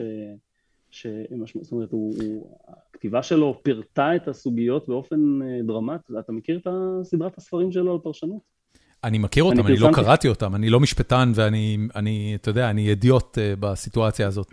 אה, אני כן אבל רוצה לשאול אותך, האם אהרון ברק הוא בעיניך, אה, גם בעיניך המוח המשפטי שנותנים לו קרדיט? זאת אומרת, שהדימוי שנוצר לו בציבור הישראלי והחילוני, אתה חושב ש... אתה יודע, אני אגיד לך על מה אני חושב, מדברים הרבה על אהרון ברק בתור סוג של אדמו"ר חילוני. וכשאני שומע את הביטוי הזה, אני גם טיפה מגחך, כי האנלוגיה היא מעולם הרבנות, שהוא אה, עולם שבהגדרה הציבור החילוני לא מתחבר אליו, אבל, אבל גם לציבור החילוני יש את האדמו"רים שלו. אה, האם, אתה, האם אתה מקבל את התפיסה הזאת? הוא באמת אה, אני, מוח מבריק כזה? אז אני, אני אגיד על זה סתם בעניין הזה. אה, אדמו"רים, בחברה החרדית אדמו"רים הם בדרך כלל לא אנשים חכמים דווקא. אה, הם פשוט אנשים שהם צדיקים. אז דווקא הייתי משתמש, אה, האדמו"ר של החברה החילונית זה דווקא אנשים כמו עמוס עוז לדעתי וכדומה. אנשי רוח. יותר הוגים, אנשי רוח. אה, הוא דווקא, הוא דווקא הייי קורא לו, הוא גדול התורה. שזה הוא, לא אותו הוא, דבר, הוא זה לא כמו אדמו"ר. הוא הרשקה בהאג, זה לא, זה, זה מישהו שהוא בעיקר נבחן על, באמצעות אה, יכולותיו הלימודיים. מעניין. לדוגמה, אני הייתי, רב דויב לנדוי עכשיו, הוא ראש ישיבת סלבודקה, הוא הרשקי בהאג החדש של, של עולם התורה הליטאי. מה זה הראשי תיבות האלה, רשקי בהאג? רבן של כל בני הגולה. רבן של כל בני. הגולה, זה כמו הרב הראשי של כל מי שלא בישראל? אה, זה, זה פשוט היה עוד לפני שהגענו לישראל, כן? רשקי בהאג היה הכינוי בגלות. זה, זה, זה האפיפיור היהודי? קשה קצת לה את ההשפעה, כי אה, הסמכות שלו היא סמכות וולונטרית, אבל כן. אוקיי. אה, אבל, אבל רב דויב לנדוי ספציפית, גם למדתי איתו חברותה, אז, אז יש לי גם קצת פרופורציה, ואם אתה שואל אותי אם הוא חכם, אין ספק, אני גם לא צריך, מהפגישה איתו, בוא נגיד ככה, לא התרשמתי מהיכולות האינטלקטואליות שלו, התרשמתי מהיכולות האלה מקריאה בספריו. אדם אה, עם יכולת בלתי רגילה להקיף כמות מאוד גדולה של חומר, ו- ולהבין אותה היטב, וזה משהו, זה משהו נדיר. כן, uh, זיכרון, לוגיקה, זה... ברק, כן, זה מוח מבריק. ודווקא בגלל היכולות האלה, אבל אני אגיד יותר מזה, הכישרון המיוחד של ברק הוא בהבנת המנגנונים המשטריים של שיטות משטר, והוא הבין, הוא הראשון שהבין, את שתי האקסיומות של שיטת המשפט בישראל, שנהגו מאז 1953. האקסיומה הראשונה היא שלא משנה מה בית משפט קובע, מצייתים לו, זו אקסיומה לא מובנת מאליה בכלל, והאקסיומה השנייה הייתה שמי ששולט, ב, מי ששולט בבחירת השופטים אה, הם בעצם השופטים. אז יש להם say מאוד מאוד אה, מרכזי אה, בהליך בחירת השופטים, ובאמת ברק השתמש... האם השופטים לא נבחרים על ידי ועדה שמורכבת גם מנציגי ציבור, להלן חברי כנסת, קואליציה, כן. אופוזיציה, זאת אומרת, זה לא, זה לא רק השופטים כן, בוחרים את השופטים, האקסיומה לא הזאת השופטים, היא לא נכונה. אבל השופטים, לא, היא, היא, היא נכונה ריאלית, זאת אומרת, בגלל, שב, בגלל שלשופטים יש שלושה נציגים מתוך התשעה, בטח, בטח מאז 2008 שיש להם זכות וטו על כל, על כל אה, נציג שנכנס. הבנתי. אה, והם, והם נשארים לאורך זמן, אבל גם לפני כן, היה להם בעצם רוב. ונציגי הלשכה בוועדה, עוד שני נציגים, יוצא לך רוב, יש לך חמישה מתוך תשעה, נציגי הלשכה כמעט תמיד זרמו עם השופטים. אה, תגיד, אתה, אתה היית מחליף את השיטה למה שקורה פה בארה"ב, שבו הציבור במסגרת הבחירות פעם בשנתיים גם מצביע על השופטים שלו? אז אה, אני חושב שזה, שזה לא, שזאת לא גישה טובה. הבנתי. אה, אז מה כן? אני חושב שבחירות ממש, לדעתי בישראל זה יהיה אסון. אז מה כן? מה כן? אני חושב שהשיטה האמריקנית הפדרלית היא שיטה מצוינת. וזה מה שאני הצעתי בהתחלה. זאת אומרת שהפוליטיקאים, ראש הממשלה המכהן, בתכלס, קובע מי המועמד שלו לעליון, זה עובר ועדה ציבורית, זה עובר את כל הדיונים, ואם זה עובר, אז הוא בפנים. והייתי מוסיף קוויאט uh, אחד קטן, כדי לנטרל שליטה קואליציונית, למרות שאני לא חושב שהיא בעייתית, אבל אני חושב שזה אידיאלי יותר שהכנסת תצביע כמו שהיא מצביעה על נשיא, תצביע בהצבעה חשאית. הבנתי. זאת אומרת, אני, אני בגדול איך שאני הייתי עושה את הליך בחירת שופטים בבית בית משפט העליון, אם אני הייתי צריך לעשות את זה מאפס, אני הייתי דווקא בוחר אה, אה, כמו שבוחרים נשיא, וכמו שבוחרים מבקר מדינה. ככה אני הייתי עושה את זה, כן. שזה מאוד, מאוד מקביל. יפה. אמ, אחת הסיבות, אחת הסיבות שזה לא, שזה לא קרה זה בעיקר בגלל הריאקציה המאוד חזקה שקיבלנו נגד ההצעה הזו. צריך להבין, אנחנו קיבלנו כזאת ריאקציה חזקה אני, נגד ההצעה אני, הזו. אני חושב, שמעון, שצריך לקחת בחשבון ש... ואני ראיינתי לפני מספר פרקים את אה, משה רדמן אה, אבוטבול, אה, אבוטבול, התגובה החריפה לרפורמה המשפטית היא לא בגלל הרפורמה עצמה. היא בגלל חבילת החוקים שהגיעה ביחד עם הרפורמה, והיא בגלל מי שמוביל אותה, שהרטוריקה שלו היא רטוריקה אה, אה, עוינת, גר, באמת גרועה, אין לי שום דרך אחרת להגיד את זה, ממש רטוריקה, רטוריקה מעצבנת. ו, ואנשים אנשים, אה, שמשקיעים את חייהם בלבנות מדינה ולשלם את מיסיה, אה, לא, אתה יודע, זה, זה, אתה, אתה גם אומר לי מה אני צריך לעשות, אתה גם הולך לחנך אותי מחדש, אתה גם רוצה להעביר שינויים במערכת השלטון שלי, וגם אתה אומר לי, אחרי שאני אסיים לעשות את כל זה, אני אעשה מה שבא לי ועל הזין שלך. נו, באמת. זה, אתה יודע, זה... זה, לא זה... מסכים שזה הרטוריה. טוב, זה לדעתי... בוא, בוא אני, אני, אני אתן לך דוגמה, כי זאת, זה ממש מופיע בשאלה הראשונה ש, אה, שאני הולך לשאול אותך ממאזינים. כן. גל שחף שואל, האם אתה באמת סומך על סמוטריץ' שדבריו ישמור על זכויות האדם? שאלו אותו, מי ישמור על זכויות האדם בישראל? אז הוא אמר, אני. אז ככה. האם, אה, האם אתה באמת סומך עליו? בעצם, האם אתה סומך על איזשהו פוליטיקאי מספיק כדי לתת לו כוח כמעט בלתי מוגבל ביד? טוב, אז קודם כל, אנחנו, אני לא חושב שאנחנו רוצים לתת כוח בלתי מוגבל, וזה חלק מה... שוב, שוב, מיס אינפורמציה, אני לא יודע איך לקרוא לזה אחרת, אבל uh, יש פה ויכוחים על המציאות. כן. כשיש ויכוחים על המציאות... לגמרי, כל הרפורמה הזאת זה ויכוח על מציאות, אתה צודק. Uh, וכשיש ויכוחים על המציאות הם גם הם קצת משעממים אותי, כי... אז כי למה לא לצאת נכון. ולהרגיע? אנחנו עושים את זה כל הזמן, יש, יש גבול למדיומים שאנחנו יכולים להשתמש בהם. אני מדבר כמו שאני מדבר איתך עכשיו, כבר מאז ינואר. וכל מי שרצה... לא, אני, אני, אני, רוצה, איתו... אני רוצה לומר משהו אחר. אני רוצה לומר משהו כן. אחר. הרי בסוף, אה, מהי הסכמה רחבה, אוקיי? זה לבוא ולשבת ולהסביר את הטיעונים שלך, ולהסביר למה אתה טוען אותם, ולבנות הסכמה רחבה. אה, ומה קורה אם... מה קורה, אני, אני אשאל פה, אני אאתגר אותך דווקא, כי זה בדיוק מה שאנחנו נתקלנו בו, זה בדיוק מה שניסינו לעשות אגב. ומה קורה כשהצד השני יודע שאין לו, מה להפ... לו שום דבר להרוויח מהסכמה כזו, אוקיי? אז, אז, אז, אתה, אז אתה לא יכול להעביר אותה. אני, אני אתן לך, אני אתן לך את, את הטיעון מה, הנורא מה, פשוט. אז מה עושים? אני אגיד לך מה, מה עושים. עושים. כן. אחת הסיבות שבגללם אין הסכמה רחבה סביב הרפורמה הזאת, היא שהיא מובלת על ידי ממשלה שבראשה עומד נאשם בפלילים, ששיקר ובגד במגוון רחב של שותפים פוליטיים לאורך הדרך, ו, והם לא מוכנים לעבוד איתו יותר. נורא פשוט. גנץ ולפיד אכלו כל כך הרבה חרא מנתניהו, שהם לא מוכנים להצטרף לקואליציה. אני לא חושב שזה תירוץ, אני חושב שזה אותנטי. אני חושב שהאנשים האלה היו ששים להיות חלק מההסכמה הרחבה, בטח אנשים כמו גדעון סער, אלקין, שבעצמם, כשהיו בליכוד, ניסו להוביל רפורמות במערכת המשפט. אז אתה יודע, לא, אתה... הם דווקא כן. אני אומר, הם דווקא כן. אם אתם הולכים עם מישהו שמראש הוא אחד האנשים הכי לא אמינים בפוליטיקה, מה הפלא שלא מאמינים לכם? אז תבואו לאנשים האלה ותגידו, תקשיבו, אתם צודקים, הלכנו עם הסוס הלא נכון. נתניהו הוא לא בן אדם שאיתו אנחנו יכולים ללכת כדי להעביר רפורמות כאלה. תבנו את הקואליציה שלכם מעבר לנתניהו. עכשיו, לא, העובדה, אתה... אני לא, לא, אני לא, אני חייב להשיב לזה, שנייה. כן. אני חייב להשיב לזה.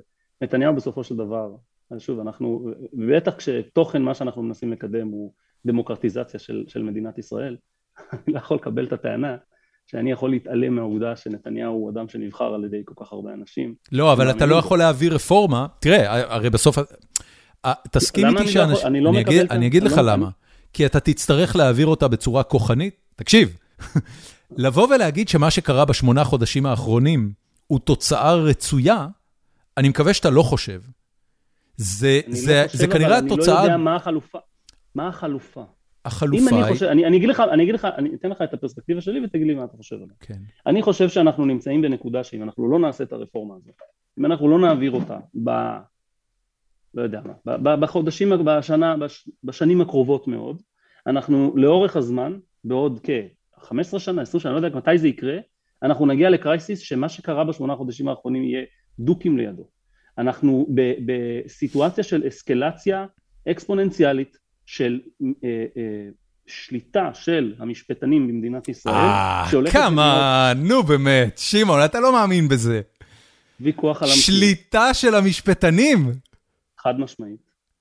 תקשיב, בוא, אני, אני רוצה לספר לך משהו. לפני, לפני, לפני הרבה שנים, כן. עבדתי באתר אינטרנט, שאז בזמנו היה גדול בישראל, קראו לו MSN.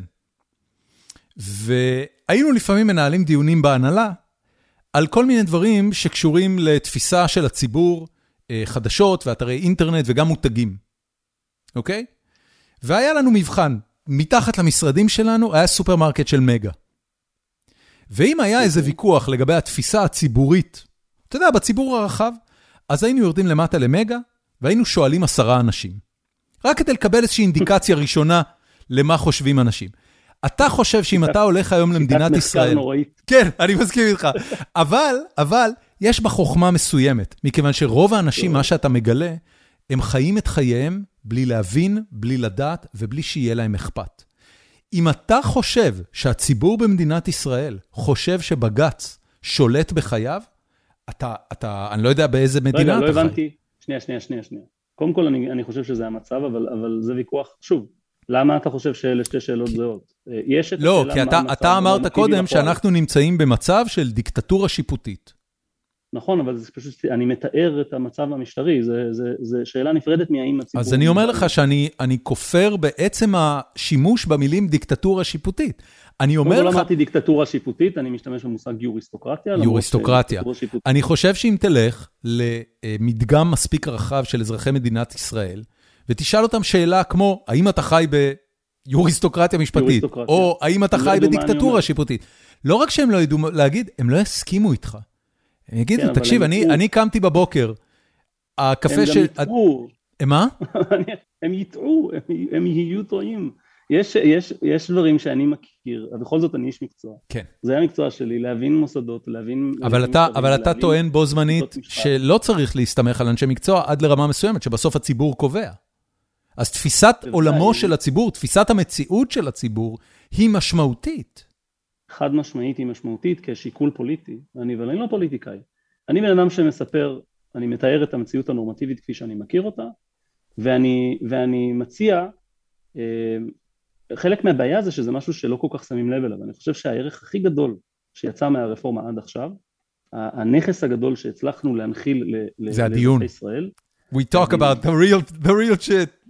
סוף סוף מדברים כן, על מה שקורה כן, במדינה, כן. ואם אתה שואל אותי, אני חושב שמספר האנשים שישיבו לך כן לשאלה האם אנחנו חיים בדיקטטורה שיפוטית, עלה משמעותית, אם לא ב... הוא, הוא לא אולי, הוא אולי עלה משבר אחוז לשבר גדול יותר של אחוז. אני לא מסכים איתך. טוב, טוב אנחנו... בוא נתקדם, כן, זה לגמרי, זה, את, זה נורא מעניין, כן כי אתה, זה בעצם תפיסת רגע, מציאות. רגע, אבל לא עניתי לשאלה, לא עניתי לשאלה. האם אתה סומך על סמוטריץ' שישמור על זכויות אדם? אני לא סומך על אף אחד, אני גם לא סומך על בג"ץ. זאת התשובה שלי הרשמית. על מי אתה כן, כן סומך? אני סומך על, ה, על, ה, על ההליך הקואליציוני, ואני חושב שבניגוד לארצות הברית, וזה חלק מהדיון ואפשר לדבר על זה עכשיו שעתיים, על בעצם מה ה-checks and balances שאני חושב שראוי שיהיו אה, במדינה כמו אה, מדינת ישראל שהיא כל כך, היא פשוט מדינת, מדינת כל מיעוטיה, מי אמר את זה? רובי ריבלין? אני כבר לא זוכר. רובי ריבלין נשא את נאום השבטים, שלדעתי היה מאוד מאוד אה. משמעותי בציבוריות נכון. הישראלית לאותה נקודה, וגם הוא כאילו עשה, אתה יודע, שם זרקור על מה שהיה מציאות ועדיין הוא מציאות, והציבור הממלכתי עד לכינון הממשלה הזאת ועד למחאה הנוכחית, לא באמת הפנים אותו. אה, נכון. שמדינת ישראל היא כבר לא מדינה שבה יש ציבור אה, רוב ממלכתי, ולידו אה, מיעוט ערבי, מיעוט חרדי, מיעוט ממלכתי דתי, נכון. אלא היא חברה... אלא מדינה של מיעוטים. כן, מדינה של שבטים, ארבעה שבטים, אמיתי. מחולקים באמצע. לא, לא אוהב את המילה שבט, כי אנחנו מתחתנים אחד עם השני, בסך הכול. גם שבטי ישראל התחתנו אחד עם השני. לא כל כך. אה, באמת? הם לא? אוקיי, לא ידעתי את זה. אה, אה, אבל לא, אבל היה, אז יש כן את המיעוטים השונים, ואני חושב שה-checks and balances האידיאליים לסוג כזה של חברה, וזה מתחבר גם לדיבור, למה שדיברנו על להחליט, לא להחליט, זה checks and balances פוליטיים. ואחד הדברים המאוד מיוחדים שאפשר לומר על, על ישראל, שלא קיים כמעט באף שיטת משפט אחרת, משטר, אה, במדינות דמוקרטיות אחרות, זה ש... כמעט כל המיעוטים במדינת ישראל מיוצגים בכנסת. אזרח שרוצה להשתתף במשחק הפוליטי, נכון. יש לו מישהו בכנסת. כן, גם הרף נמוך. זה משהו ש... בדיוק, ויש מי, וזה משהו שהאזרח הניו זילנדי לא יודע, לא יכול... אבל מצד שני, אתה, שה... אתה אה, אה, יבוא ויטען מישהו, אה, אני למשל, שהממשלה לאורך ה-15 שנה האחרונות, במיוחד בשנות שלטונו של נתניהו, כמעט ייתרה את מוסד הכנסת. אה, זה לא נכון עובדתו. אתה לא חושב שזה נכון? לא, ואני אפנה אותך דווקא לא אליי, כי אל תסמוך עליי בעניין הזה, אבל... אה, האם הרשות המחוקקת בישראל ב-15 השנים האחרונות העבירה איזשהו חוק שהממשלה התנגדה אליו? בטח. איזה? אני לא עכשיו בשלוף, אבל אוקיי. היו כמה וכמה חוקים כאלה. אני אנסה לך. מעניין. אה, אני רוצה להמשיך. אני רוצה להמשיך לשאלות. אני במשפט אענה על בצלאל, קדימה. אני אגיד רק דבר אחד כי באמת אני, אני מאוד אוהב אותו ואני לא מסכים איתו על המון דברים, אני חרדי ליטאי על סך הליברטריאן והוא ציוני דתי לאומי, אמוני מאוד חזק, הוא חרד"לי כזה, זה מאוד שונה בהרבה מובנים, ברור, המעמד של המדינה והכל, אבל אני אתן, אתן אנקדוטה, אני פעם בדיון, זה היה דיון על זכויות תושבי מזרח ירושלים שהורשעו בטרור, זה בסיפור של התיקון שהכנסנו אה, תיקון 31 אה, לחוק הכניסה לישראל שקובע, אה, סעיף 11א שקובע שאפשר בעצם לשלול תושבות קבע אה, ממחבלים שהורשעו בטרור ובצלאל הוא זה שהעלה בדיון את הטענה אבל יש כאן פגיעה בזכויות אדם. חבר'ה איך אתם מיישבים את זה? אנחנו לוקחים, אנחנו לוקחים פה לאנשים, אנחנו בעצם מגרשים אותם. איך זה מסתדר? אנחנו חייבים לקחת, זה חייב להיות הליך רציני ולא איזושהי החלטה שהשר יכול לקבל ככה. אה, וזה דווקא בצלאל העלה את זה בדיון, שזאת אנקדוטה מעניינת, לא יודע, תעשו עם זה מה שאתם רוצים. כן. אה, בוריס דינבורג שאל הרבה שאלות, אבל אני רק אשאל את האחרונה, כי היא לדעתי הכי חשובה. אה, האם ניתן וצריך בישראל להפריד דת ממדינה?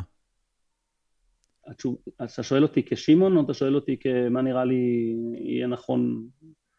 אתה יכול לענות כשניהם. אם אפשר לעשות, אם אפשר להגיע להסכמות על זה, אני חושב שזאת תהיה, אה, זאת תהיה, זה יהיה הדבר הנכון לעשות. אוקיי. Okay. עבור הדת, עבור הדת יותר מאשר עבור המדינה. אני חושב שהמוסד, וזה, ופה אני שמעון, אני, אני שמחה בכלל לא מסכים איתי על הדבר הזה, זה צריך להיות מאוד ברור על זה, כדי שאף אחד לא יבוא ויגיד אחר כן, כך, כן, כן, אה, כן. זה העוזר של אה, רוטמן אה, מתנגד. אני בתור היועץ המקצועי של שמחה, אני גם עבדתי מאוד קשה על חוק הרבנים החדש. אוקיי, חוק בחירת רבני ערים. שהרבה, קיבל הרבה ביקורת, אה, חלק ממנה נכונה, חלק ממנה ממש לא נכון, ממש לא הוגנת. אבל אתה שואל אותי, מה שהכי תסכל אותי בעבודה על החוק הזה, זה שאני חושב שצריך לבטל את מוסד הרבנות. כן. אז uh, לנתק אותו לחלוטין, להפריט אותו, לצורך העניין, נקרא לזה הפרטה. אם, אם אפשר להפריט את חברת החשמל, אני חושב שאפשר גם להפריט את בתי הדין הרבניים. Uh, כן צריך לעשות כל מיני, לבצע התאמות מסוימות כדי שלפסקי דין שלהם בכל זאת יהיה איזשהו תוקף, כי אנחנו לא רוצים, ופה נכנס המוד, הממד של ההתייחסות למאפיינים התרבותיים של החברה החרדית, אנחנו לא רוצים לגרום לזה שאדם שלא מסוגל או לא מאמין שהוא יכול הלכתית ללכת לבית משפט אזרחי, יצא בעצם עם ידיו על ראשו כשהצד השני מחליט להפר חוזה. כי הוא, כי הוא יכול ללכת רק לבית דין, ובית הדין לא יכול לאכוף כלום. זה מצב שהוא לא ראוי. זאת אומרת, חייבים להתייחס גם לעובדה המציאותית, שיש ציבור מאוד גדול של אזרחים במדינת ישראל. אולי הציבור הזה צריך לשנות שלהם, את uh, אורחות חייהם? אני לא, אז שמה אני לא, אני, אני לא מנסה לשנות אנשים. אה, באמת? לא מנסה לשנות אנשים, לא. אבל, אבל אתה, אתה גדל במערכות שכל הזמן משנות אנשים. מה זה לקחת ילד ולחנך אותו להיות חרדי או להיות חילוני? הילד יגדל בכל מקרה והילד יעבור חינוך בכל מקרה. אם תיתן לו חינוך טוב ותסליל אותו למסלולים מסוימים, אז הוא יהיה זה... מבוגר מסוג מסוים. אם לא תסליל אותו, הוא יהיה משהו אחר. יש דברים שקורים בעל כורחם.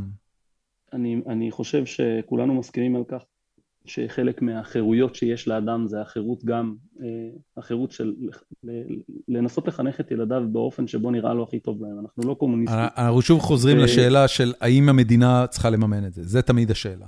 האם המדינה צריכה לממן כל דבר. נכון. ברגע שאתה נכנס לשאלה הזאת, אנחנו נכנסים לפינה ש... ולכן, שוב אתה רואה לאיפה אני חוזר, אני חושב שהמדינה לא צריכה לממן כן, בכלל. כן, כן, כן. בוא נמשיך. נועם פולק שואל, כותב, יש לי המון הערכה לגבי ההתנהלות בטוויטר והניסיון לשמח שיח מקצועי ומכבד ככל הניתן, הוא כותב את זה עליך, ואז שואל, האם היו חילוקי דעות בתוך הצוות בנוגע לרפורמה? בתוך הצוות? כן, הצוות שעבד על הרפורמה, שניהל את הדיונים. אה, בוודאי. כפי שאמרתי, בוא נתחיל עם זה שאני, כשאני התחלתי את כל, כשכל התהליך התחיל, ההצעה שאני ניסחתי ראשונה, אני לא יודע אם זה, כולם, לא יודע אם כולם יודעים, אבל אני ניסחתי את הצעות החוק. וזאת אומרת, להפוך את הרעיונות שעליהם דנים, אשכרה לטקסט כתוב שהוא, שהוא, שהוא קריא חוקית ומשפטית לפי כללים שהכנסת עובדת. לא עשיתי את זה לבד, עשיתי את זה עם עזרה של הרבה אנשים, כמובן שהייעוץ המשפטי לוועדה עזר מאוד עם, עם, עם, עם הניסוח. בשלב הנסחות, אבל אני כתבתי ואני ניסחתי בהתחלה הליך לגמרי שונה, כמו שתיארתי, הליך שבו שר המשפטים, זה היה תהליך קצת יותר מורכב מסתם שר המשפטים, אבל בגדול הממשלה אה, אה, אה, מציעה שמות והכנסת מאשרת את השמות שלפי איזשהו מנגנון של בירור, מאוד דומה למה שקורה עם נשיא המדינה, זה מה שאני הצעתי, כמו שאתם רואים זה לא התקבל. מה שהתקבל כן. בסוף היה דברים אחרים, חלק מהם היה דווקא בגלל הניסיון שלנו לתת יד, אני, אמרתי מההתחלה, וזה, בשלב הזה אמרו לי שאני קיצוני, אני באמת במובן הזה לדעתי קצת קיצוני, אני חשבתי שאנחנו לא צריכים בכלל להתייחס לחששות של הצד השני באותו השלב, כי, ואני אסביר למה, כי אני חשבתי אנה. שלא משנה מה, אני אגיד למה, לא, אני אסביר למה אני מתכוון לחששות. מאחר שגם ככה מה שאנחנו רצינו לעשות, מה, הנקודה שלא הסכמנו לוותר עליה, זה שהדמוקרטיה הישראלית בהכרעת רוב, זאת אומרת שלא ניתן לאף אחד זכות וטו על מינוי של שופטים לעליון, כי אז אנחנו מנציחים את המצב הקיים, בהנחה שזה בכל מקרה מה שאנחנו הולכים להתעקש עליו, אז כל הדברים האחרים שאתה כביכול נותן לצד השני, הם רק יראו בעיניו כלעג לרש. זה ייראה בעיניו לא רציני. כשהוויכוח שלו איתך הוא על עצם זה שאתה רוצה לתת לקואליציה לבחור שופטים לבית המשפט העליון, זה הוויכוח שלו. הוא חושב שהדבר הזה הוא הרס הדמוקרטיה, הוא טועה לגמרי, אבל הוא חושב את זה. מה זה עוזר לו שאתה אומר לו, כן אבל אני השארתי את השופטים שלך בוועדה, כי זה היה, למה השאירו את השופטים בוועדה מלכתחילה? למה זה היה הנוסח שבסוף הוצע? כי אמרו אנחנו רוצים להרגיע אותם, אנחנו רוצים, הנה תראו השארנו את השופטים בוועדה, אנחנו לא עושים משהו רדיקלי, ואני אמרתי להם מראש, חבר'ה, הדבר הזה לא יעבור, זה רק יעצבן אותם עוד יותר, כי זה ייראה להם כמו קונץ. כי, כי מה שאתה בעצם באמת רוצה לעשות, ואתה אומר את זה, אנחנו רוצים דמוקרטיזציה של, של התהליך. כן. אז מה, אז הכנסת, אז כן נשארת שם בסוף את שלושת השופטים, וואו, אם השלושת, שלושת השופטים האלה אין להם איזשהו משקל אה, אה, אסטרטגי בבחירה, לא עשית שום דבר. אמ, אז במובן הזה אני חשבתי, במובן הזה אני הייתי יותר קיצוני. כן, כן, כן.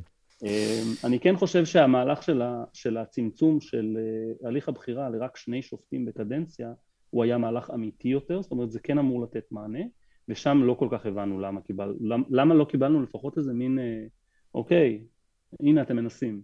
זה, אני, זה, אני, זה... אני אציע לך, וזה, וזה חוזר לדעתי למשהו שהוא ב, באווירה עצמה.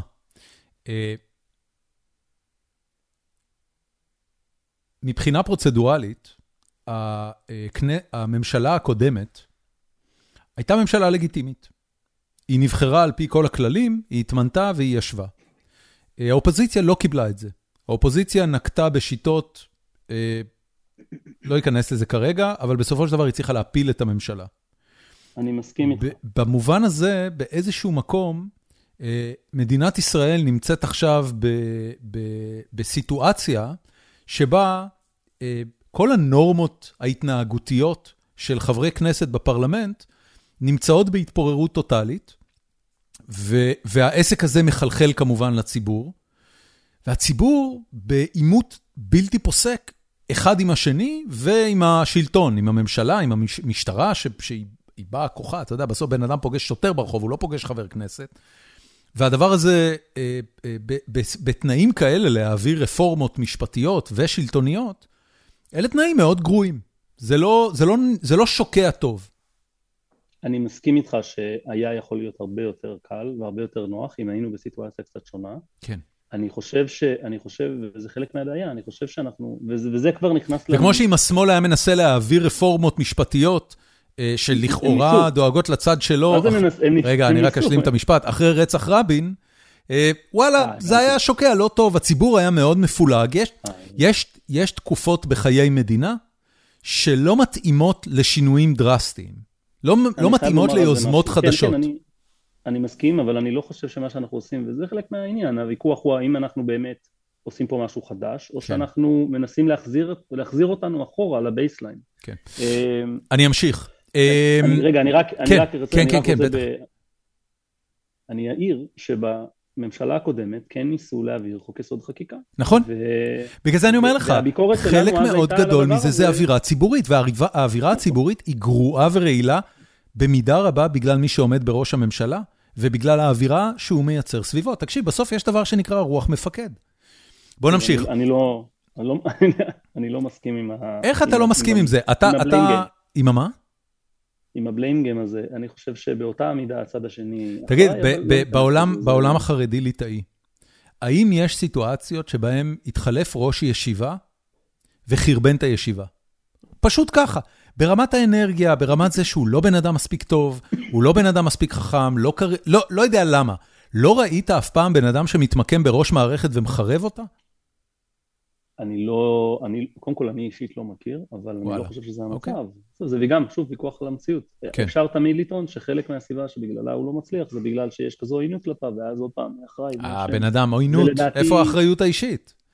אתה יודע, שמחה רוטמן הרוויח ביושר את העוינות כלפיו, באמת, במשפטים... אני לא חושב. באמת אני לא חושב. אני אומר לך בתור משקיף מהצד, שבאמת אין לי שום... אם כבר, הייתי אמור לחבב את שמחה רוטמן, כי אני חולק הרבה מאוד מרכיבים עם תפיסת עולמו. הוא גם מותק של בן אדם. אז איך הוא יוצא כזה אסהול, באמת? אתה יודע, כאילו, הוא לא יוצא בן אדם איום ונורא בתקשורת. הוא יוצא, אתה יודע משהו, אפילו בשיחה שלו עם שאול אמסטרדמסקי על אבטאר מול שר הטבעות, חשבתי שהוא טועה. איך יכול להיות שאתה יוצא ככה? תקשיב, ראיתי את זה. זאת הדוגמה דווקא הייתה, זה דווקא היה אחלה ראיון, אני חייב זה היה אחלה ראיון, אבל הוא טועה. שר הטבעות הוא לא, הוא, לא, הוא לא אה, נרטיב או סיפור ימני, ואבטר הוא לא נרטיב שמאלני. כל, ה, כל התזה שעליה הוא השין את זה היא שגויה. אני יכול להבין, אני יכול להבין על מה, למה הוא התכוון. אני גם יכול להבין, אבל הייתי מתווכח איתו על זה. אם הייתי... קולוניאליזם מול הטוב והרע. אני יכול, לדבר, אני יכול להבין את התפיסה הקולוניאליסטית, אבל מה בין זה לבין ימין ושמאל? שניהם סוציאליסטים, אוקיי. גם עמי הארץ התיכונה הם סוציאליסטים, וגם הנביא על אה, הכוכב באבטר הם סוציאליסטים, כולם סוציאליסטים. יש עוד ממדים של ימין ושמאל. כן. אמ, נמרוד טויזר אה, כותב, כל ההצדקה שלו על ביטול עילת הסבירות, היא בטענה שהיא לא מעוגנת בחוק. האם יוכל להשיב סוף סוף איפה מעוגנות כל עילות המשפט המנהלי בחוק? בסוגריים, ניגוד עניינים, תשתית עובדתית, ראויה, שיקולים זרים וכולי, כי כל פעם שהוא נשאל על כך בטוויטר הוא נעלם. השאלה הזאת, אגב, קיבלה תשעה לייקים, אז כנראה שהרבה כן, אה, סקרנים לגבי זה. אני לא יודע למה אנשים חושבים שאני נעלם, אני בעיקר פשוט אולי לא כי אתה עסוק. אני בכל זאת מקבל לפעמים יותר מ-500 תגובות לפוסט, ולפעמים אין לי את הזמן לעבור על כולם. כן, אבל, אה, אבל כדי להיות עניינים, למה לבטל את עילת הסבירות ולא לבטל את העילות האחרות? נכון, אז קודם כל, הסיבה שבגללה עילת הסבירות היא משהו שאנחנו חושבים שצריך לבטל, אני חושב שצריך לבטל, ואחרים כמוני חושבים שצריך לפחות לשנות, אה, כמו פרופסור יואב דותן שלא הסכים עם הדרך שבה עשינו את זה, אבל הוא עדיין שותף לביקורת עליה, זה לא שהיא לא בחוק, זאת, לא, זאת לא הנקודה, בוודאי שגם העילות האחרות הן לא בחוק, אבל העילות האחרות הן עילות משפטיות, ואני, ואני אנסה להגיד במשפט מה, מה הדבר הזה אומר. ההבדל בין משפט לבין משהו שהוא לא משפט, כן, נקרא, אני נלך לדיני החוזים זה קל להדגים, מה ההבדל בין משהו שהוא מחייב על פי חוזה לבין משהו שהוא לא? זה משהו שהוא כתוב בחוזה או לא כתוב, נכון? זה בקווים מאוד כלליים, כן? כן. כמובן זה קצת יותר מורכב מזה. הרעיון הוא שיש משהו שאתה יכול להצביע עליו, כולם יכולים לקרוא אותו, זה כתוב בשפה שכולם מבינים וסך הכל מוסכמת, כן. זאת אומרת זה לא שיש כאלה שינויים רדיקליים בין האופן שבו אנשים שונים מבינים את הטקסט, ו, ויש לך איזשהו baseline שאליו אתה יכול להשוות ולהגיד, יש כאן תשובה נכונה או לא נכונה. האם אני צריך על פי חוזה השכירות שלי לצבוע את הדירה לפני שאני יוצא? יש לדבר הזה תשובה נכונה ולא נכונה, או שזה כתוב בחוזה ואז אני צריך, או שזה לא כתוב בחוזה ואז אני לא. יש לדבר הזה תשובה נכונה ויש תשובה לא נכונה. זה המשמעות של טיעון משפטי. יש חוק, החוק הזה קובע נורמה, ואז יש, כשיש, כשמתעוררת השאלה האם פעולה של הממשלה הייתה פעולה חוקית או לא חוקית, אנחנו בעצם פונים לחוק ושואלים האם הפעולה הזאת הייתה בהתאם להסמכה או לא בהתאם להסמכה. עכשיו עילות המשפט המינהלי האחרות, המקובלות, הקלאסיות, שפותחו במשפט המקובל לאורך מאות שנים באנגליה, הן עילות שהן מנביאות תשובות נכונות ולא נכונות. השאלה האם היו שיקולים זרים או לא שיקולים זרים בקבלת החלטה זו שאלה עובדתית, אז אפשר להדגים אותה. אם לא הצלחת להדגים שהיו שיקולים זרים, אז כמובן, אז, כמו כל הליך, המוציא מחברו עליו הראייה, הנטל עליך, לא הצלחת להוכיח, לא הצלחת להוכיח, אבל אתה אם... בעצם אומר, בעילת הסבירות השתמשו בצורה ש... שלא נמצאת בשום מקום מלבד, ה... מלבד המוח של השופט? כן, אין לה תשובה לא נכונה, וזה משהו שיואב דותן בספר שלו, הוא מתאר בצורה הכי טובה, הוא אומר, מהי בעצם עילת הסבירות מדברת? היא לא, היא, לא, היא לא מספרת לי מה לעשות. היא לא אומרת ל, ל, לממשלה איך היא צריכה... שמעון, אה, לא סליחה, איך, איך מוכיחים שיקול זר? שיקול זר, המקרה הקלאסי זה... הרי, הרי הדרך היחידה להוכיח שיקול זר היא או אם בן אדם אומר, היה לי פה שיקול זר, בדרך כלל עושים את זה על ידי קורלציה. תראה, קרה ככה לא. וקרה ככה, אנחנו מניחים שהיה פה שיקול זר. איך מוכיחים שיקול זר? אתה כבר, שים לב אבל שאתה כבר עובר למקום שבו אתה מנסה לשכנע מישהו, הנה תראה מה, נו באמת. הוא אמר פה שהסיבה, אה, אה, הוא מונה להיות שר כאן, כן. הוא פיטר את הבן אדם הזה יום אחרי כן, נכון. ואז הוא מינה את חבר שלו יום אחרי, הוא לא אמר בשום שלב שיקול זר, הכל היה לפי הספר. כן. אבל הוא בא, נו באמת. עכשיו, הדבר הזה, הדבר הזה הוא הנמקה שיש לה תשובה נכונה ולא נכונה. אתה, הנה, השתמשת בראיות, התזמון, הכרונולוגיה, והראיות האלה הן יכולות להיות... אבל, אבל למה סבירות היא לא אותו דבר? למה, למה הדבר הזה שנקרא סביר... אין קריטריונים. אין קריטריונים. האם זה סביר או לא סביר? אין קריטריונים, אין כללים. זה, ועכשיו, אם אני הייתי זה שממציא את זה מילא, אבל לא המצאנו פה כלום.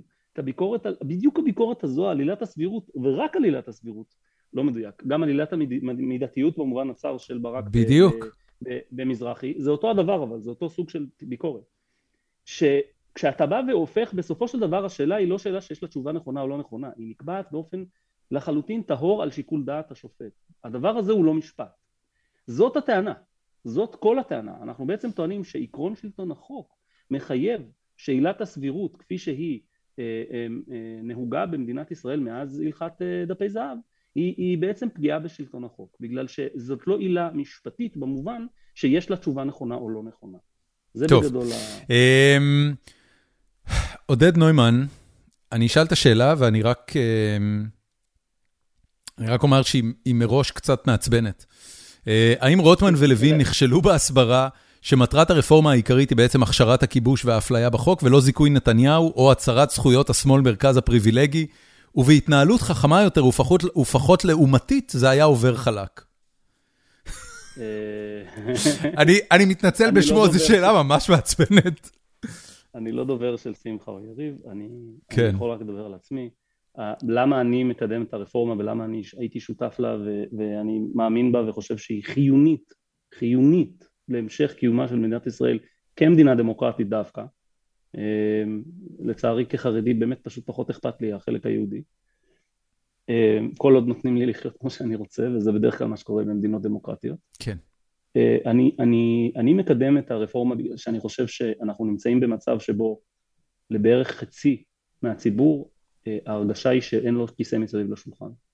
הוא לא באמת שותף לקבלת ההחלטות מי זה החצי הזה? מי שהקואליציה מייצגת, כרגע.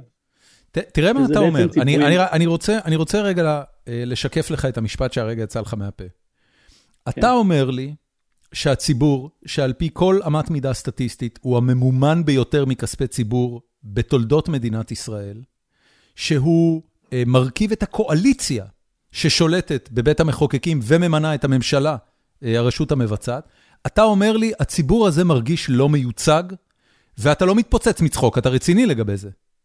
אבל זה מתחבר לדיון הקודם שלנו, כי אני מאמין שמי שמקבל את ההחלטות השלטוניות ביחס למדיניות ציבורית במדינת ישראל, זה לא הכנסת ולא הממשלה, זה בית המשפט והיועמ"ש. שוב, זה ויכוח שלנו על קריאת המציאות, וזה פשוט, אני לא יודע זה נראה לי עיקר מה שניסינו להסביר בשמונה, תשעה חודשים האחרונים, אבל זה בדיוק הדיון. זאת אומרת, מהו בעיניך... לפחות תבין מה הטיעון שלי. לא, לא, אני מבין, אני מבין לחלוטין, אבל אני רוצה רק לשאול שאלה שהיא שאלה חשובה, כי הרי בסוף, כשאתה אומר שבית המשפט אה, אה, למעשה שולט במדינת ישראל, וכופה את תפיסת עולמו על הכנסת ועל הרשות המבצעת, ולכן הרשות המבצעת והכנסת לא יכולה להוציא לפועל את המדיניות האמיתית שלה, נכון. אומר, משתמע מתוך זה שיש מדיניות אחרת שהממשלה הייתה רוצה לממש. תן לי... לאו דווקא. לא. לאו דווקא, ופה אני אגיד, אז, שנייה, אז... קודם כל זה לאו דווקא. תחושת הקיפוח. שלך חייבת לבוא ממשהו. תחושת קיפוח של הילד. שלי מגיעה מזה שאני אומר לו, אתה צריך ללכת לישון ב-10, והוא רוצה להיות ער עד 12. ממה נובעת תחושת הקיפוח של הציבור. שאתה בא ממנו? נתת דוגמה מצוינת. אני חושב שהילד שלך יתעצבן על זה שאתה זה שאומר לו ללכת לישון, גם אם הוא כן רצה ללכת לישון ב-10. פה הנקודה. כשאתה בא ואומר לי, תקשיב. אבל על זה לא, על זה לא, על זה... שנייה, שנייה, שנייה, אוקיי. שנייה, אני אגיד, אני חושב שדווקא כן, ופה בדיוק הבעיה. אני חושב שעיקר מה שמפריע לאנשים, זה שאין להם את הכיסא מסביב לשולחן. תבין, גם אם תבוא עכשיו... הרגע הצבעתי בפניך על כל הכיסאות. אני, אבל השאלה איפה השולחן? ועל זה יש לנו ויכוח. מי הוא הציבור שלא מיוצג על כס המשפט בישראל? הציבור שהצביע למפלגות הקואליציה. אתה רוצה להגיד לי, בוא, ברצינות, רגע. מה זה אומר? זה אומר שאין שופט חרדי? זה אומר שאין שופט ליטאי? זה אומר שאין שופט אה, אה, שמייצג את המתנחלים מהמפלגה של לא. בן גביר או סמוטריץ'? זה אומר שלציבור אין שום השפעה אל תגיד ציבור, דבר איתי, על, דבר איתי על קבוצות. הציבור הישראלי הוא מאוד הטרוגני, יש בו המון קבוצות הציבור. עם תפיסות עולם מאוד שונות. לא, מי הוא לא הציבור לא שלא מיוצג? מזרחים מיוצגים. כן. הם משפטנים, אבל הם עדיין מיוצגים. אשכנזים מיוצגים, חילוניים מיוצגים, מיוצג? דתיים מיוצגים, ערבים מיוצגים. מי לא מיוצג? מיוצגים? שנייה, מה זה מיוצגים? יש מישהו שצמח בציבור הזה והוא יושב היום על כס בית המשפט העליון, לא ובוודאי לא בערכאות נמוכות יותר. זה לא מייצג, זה לא ייצוג, זה לא ייצוג. אני אשאל אותך שאלה, אם אני עכשיו נקבל, נגיד, אני עכשיו מעביר חוק במדינת ישראל שאומר, שמהיום אנשים לא יכולים לבחור את הייצוג שלהם בבית משפט, אתה לא יכול לבחור מי העורך דין שייצג אותך. אני בוחר בשבילך מי שייצג אותך, לפי כל מיני קריטריונים כמו מה צבע העור שלך, מה, מה המגדר שלך, באיזה שכבת גיל אתה, מאיזה, באיזה שכונה אתה גר, לפי זה אני אקבע, כי זה לכאורה הכי מייצג. אני רוצה שה, הדין שמייצגים את הציבור הישראלי בערכאות ישקפו את הציבור הזה. זאת אומרת אם אני עכשיו בחורה אה, מהקהילה האתיופית בקריית מלאכי ואני רוצה ייצוג בבית המשפט, אנחנו נחפש לך עורכת דין שהיא מהקהילה האתיופית בקריית מלאכי. זה נשמע לך הגיוני, זה מופרך לחלוטין. הרעיון של ייצוג, וזה רעיון מקובל שאין עליו בכלל ויכוח בשום מקום שאני מכיר בכתיבה על המושגים האלה של דמוקרטיה ייצוגית, זה שאני בוחר אותו. הוא מייצג את האינטרסים שלי כי הוא תלוי בי, כי אם אני לא בוחר אותו הוא לא יהיה שם. אבל אתה אמרת קודם שציבור בוחר שופטים זה בעיניך מתכון לקטסטרופה. יש את זה פה לא, לא, בארצות לא, הברית. יש, יש, יש, יש, יש מנעד בין אף אחד לא יכול להשפיע על הזהות, לבין יש מנגנונים שבאמצעותם האנשים שאני בחרתי הם אלה שיקבלו את ההחלטה מי השופט. כן. אבל בסוף בסוף בסוף זה נשען על בחירה ציבורית דמוקרטית. ו, ואני רוצה, ואולי במשפט אני אגיד שזה בעצם, באמת זה בעצם כל הוויכוח. אני חושב שכל הליכי קבלת ההחלטות על מדיניות ציבורית רציניות, ההחלטות שהן בליבת הוויכוחים שבין הציבורים השונים במדינת ישראל, מתקבלות בבית המשפט. אמ, במובן שהוא זה שרואה את עצמו כמי שיש לו את הכוח לקבל אותן. שים לב, יכול להיות שה, שהמלך לואי ה-14 היה מאוד נחמד לנתינים שלו, יכול להיות. יכול להיות שהוא היה אומר להם, תקשיבו, מה אתם רוצים? אני מלך טוב. לא היה לכם נחמד השנה. לא היה לכם תבואה. אבל אנחנו יודעים לא שזה לא קרה, כי הציבור עלה על הארמון שלו והוציא אותו להורג בגיליוטינה. לעומת זאת, את המלכה אליזבת, שגם ויתרה על הסמכויות שלה, וגם כנראה הייתה מלכה נחמדה וטובה למרות הביקורת עליה, היא הצליחה להעביר את כל חייה עד מותה כשהיא על כס השלטון, ואז הורישה את זה לבן שלה, שגם הוא בסך הכל מקבל עכשיו אה, אהדה לא מבוטלת. זאת אומרת, בסוף the proof is in the לא, pudding. לא, אבל המלכה אליזבת לא הייתה, לא, היא לא הייתה מלכה במובן של מלך לואי 14 היה מלך, כן? לא היה לה שום סמכויות. כי הכס אה, הבריטי ויתר על סמכויותיו לאורך ה-250 שנה האחרונות. כן, כן, הרבה לפניה, הרבה לפניה. לא, זה בדיוק הנקודה, זו בדיוק הנקודה. אם בית המשפט היה כמו המלכה אליזבת, אני, אני נותנת לכם את כל השיקול דעת, אני לא האימא שלכם, אני לא אבא שלכם, אני לא מקבל בשבילכם החלטות. אתם הציבור, אתם תקבלו את ההחלטות. אני פה, כי, אבל, אבל אני המלכה, ואני מייצ... אני, אני איזושהי התגלמות שלכם, אוקיי? נכון. אני, אני משקפת אותה נכון, מבחינתי. נכון, האידאה, האידאה. אני האידאה, ואז, וזה גם מתחבר לדיון עכשיו על מגילת העצמאות אגב, ואז כולם יכולים להסתכל אליה ולהגיד, וואו, אוקיי. כל עוד היא לא, לא שיכורה מטורפת, אז היא באמת מייצגת אותנו. היא, היא אגב עשתה עבודה מדהימה בזה. אתה יודע, אני, אני, כן, יש לי חברים שגרים באנגליה, ישראלים לשעבר, שאומרים לי, תקשיב, אני, אני, אנחנו ממש, אנחנו ממש מחבבים אותה. פה הבעיה, בגלל זה אמר לך, שמעון, הבעיה הכי גדולה של הרפורמה הזאת, שיש בה הרבה טעם, זה שהיא מובלת על ידי אנשים סופר מעצבנים. נתניהו, סמוטריץ', אה, אה, לוין, שמחה רוטמן. לא, מה זה לדעתי? יש מדורות באיילון, הם מעצבנים כן. המון אנשים, זה לא רק אני. עזוב אותי, לא אני לא הסיפור פה, אני אפילו לא גר לא בארץ. אני לא אומר שזה רק אתה, אני רק אומר, שוב, זה... אני משער לעצמי שזה משהו שבצד השני, זה טייסים, זה ראשי מוסד, זה כאילו, תסתכלו את מי עצבנתם.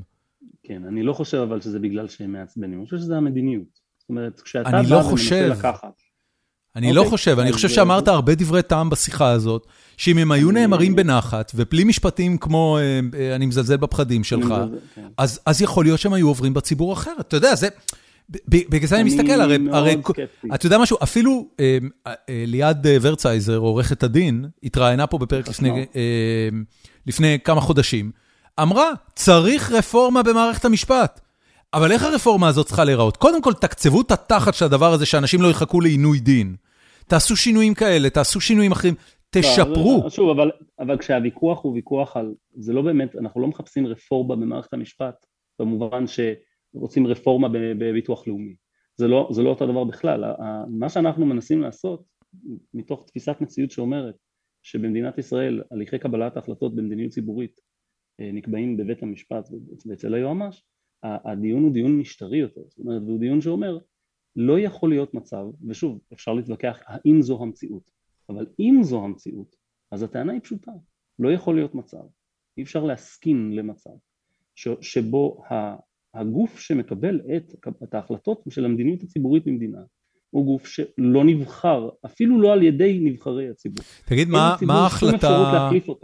מה ההחלטה הכי מקוממת בעיניך שבג"ץ קיבל בתקופת חייך, ש, ש, שמוכיחה את, את חוסר הייצוג הזה אה, אה, שעליו אתה מדבר? אני אתן דוגמה. כן, אני בבקשה. אתן, אני יודע שזו דוגמה מצוינת לדעתי, ויכול להיות שאתה דווקא לא תאהב אותה, אני לא יודע איפה אתה נמצא בסוגיות האלה. אבל היא דוגמה שהיא פנטסטית בעיניי בגלל שהיא מראה מה קורה כשיש לך אה, מוסד שלטוני סגור שכמעט אי אפשר להשפיע על הזהות שלו ואני חושב שזה היה יכול להיות באותה מידה אני כולי במתח שמעון, מה ההחלטה? ההחלטה היא, אה, אנחנו בעבר חוק, אם אני לא טועה זה היה בשנת 2018, זו החלטה חדשה יחסית, כן, אה, או 2019, זה חוק שקובע, לדעתי הוא מתבקש לחלוטין, שנוער, צעירים, אה, קטינים, שהורשעו בעבירות טרור לאומני. אוקיי. מכל סוג. גם, גם עם לאומנים, גם עם יהודים, אבל בדרך כלל זה כמובן נערים ערבים כן, אה, ישראלים, כן. שהורשעו בטרור, שההורים שלהם לא יקבלו עבורם קצבאות ילדים וקצבאות אחרות שהם מקבלים מכוח היותם הילדים שלהם. זאת אומרת שהמדינה זאת אומרת- תשלול מהמשפחה קצבאות ילדים בגין נערים שהורש- שהורשעו בטרור ועדיין זכאים לקצבאות האלה מהמדינה. כן, שבעיקרון אם לא נעשה את החוק הזה הם יהיו זכאים לקצבאות, הם מקבלים כסף מהמדינה עבור הילדים שהורשעו בטרור. אוקיי, ו- ו- ואתה ובעצם- ואתה בצ- בעד או נגד? אני חושב שזה חוק מתבקש. אוקיי? זה, לדעתי חוק, ו- ו- ובג"ץ פסל את זה? ובג"ץ פסל באיזה את החוק. טיעון? ש... וזה החלק, ה... זה החלק ה... שאני לא מצליח להבין, אבל זה הטיעון. אמ, בג"ץ פסל את החוק בטענה של פגיעה בשוויון בין הורים שיש להם ילדים מחבלים להורים שאין להם ילדים מחבלים. אוקיי, זה- זה בעיניך החלטה, אה, זה בעיניך חוק שהיה צריך לחול רק על פשע על רקע לאומני?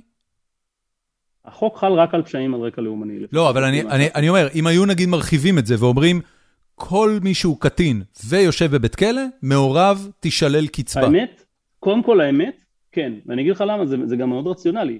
מה ההיגיון? למה אנחנו נותנים כסף להורים על, על הילדים שלהם? זה לא נשמע לך משהו יחסית קטן כדי לחוש את בגידת המערכת המשפטית בגללו? זה, ק- זה קטן בהיקף שלו, ואגב, הפסק דין של עמית, שהיה דווקא בצד שלא רצה לפסול את החוק, היה פסק דין מאוד משונה, שבו הוא בעצם אומר, תקשיבו, יכול להיות שיש פה פגיעה בשוויון, אבל זה דימינימוס.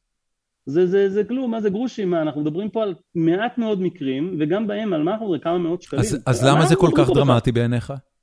אז אני אגיד לך, אז למה אני לא חושב, קודם כל הטיעון הזה הוא מאוד מוזר, גם אם אנחנו עכשיו נעביר חוק שכל אזרח ערבי צריך לשלם שקל, שקל למדינת ישראל כל חודש, מס, מס ערבי. מס ערבי, אוקיי. מס ערבי שקל, לא, אבל רק שקל. כן, רק, נראה לי שכולם... כולה שקל, מה אתה... תביא שקל. כולם יסכימו שהדבר הזה הוא גזעני לחלוטין ומופרך, נכון. לפס- לפסול אותו על הסף. נכון. אמ, ואתה... אז, אה, אז, ו- אז אני ואתה- אגיד לך אבל מה, כן. אני אגיד לך מה, אני, קודם כל אני חושב שהחוק הזה היה חוק מתבקש לחלוטין ברמה ההצהרתית שלו, מדינת ישראל לא מממנת ילדים ש... ש... אה, אתה חושב שיכול להיות שבית המשפט, אם זה היה חל לא על פשיעה לאומנית, אלא על כל פשיעה שהיא, שהיא הרבה יותר הומוגנית מבחינת הקורבנות שלה, יכול להיות. שהשופט היה מקבל את זה? זה היה, זה היה פאנל מורחב של חמישה מול ארבעה, אה, אני לא חושב שזה היה משנה משהו, הפוך, אני חושב שזה היה הופך את זה לעוד יותר קל מבחינתם לפסול. אני רק, אני רק מביא את זה כדוגמה כדי להראות, החוק הזה עבר, קואליציה אופוזיציה, בהסכמה רחבה מאוד. נראה לי, זה כמובן לא היה, זה לא היה חוק כזה חשוב, אז הוא עבר, ב- נראה לי, אבל 50 תמכו ושניים התנגדו, אני לא זוכר כבר את המספרים, משהו כזה. ו, וכל מפלגות, כל המפלגות היהודיות, יש לומר, אה, תמכו בחוק, המפלגות הערביות התנגדו, לא, גם לא כולם, נראה לי רע"מ היא נמנעה, ו... או לא הגיעה להצביע. זה, זה מראה לך גם איפה ממוקם, איפה ממוקמים כל אותם חמישה שופטי רוב שפסלו את החוק.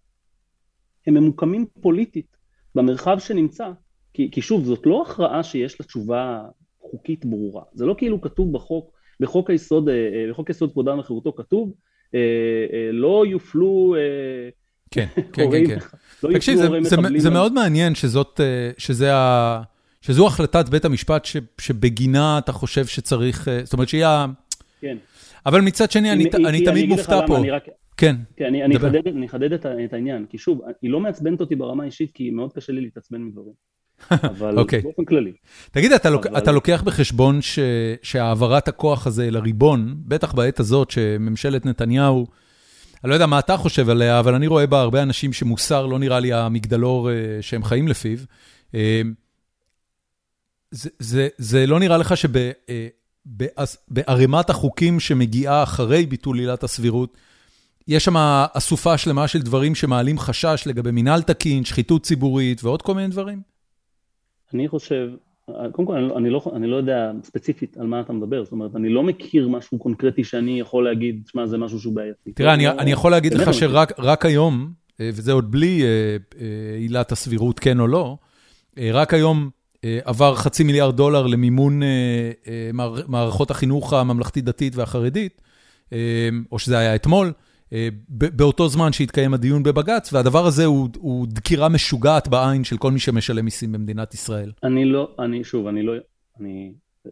זו סוגיה שצריך לראות מה קורה שם, מה מדובר, האם זה לגיטימי, האם זה משהו שיש ויכוח עליו בכלל. כן.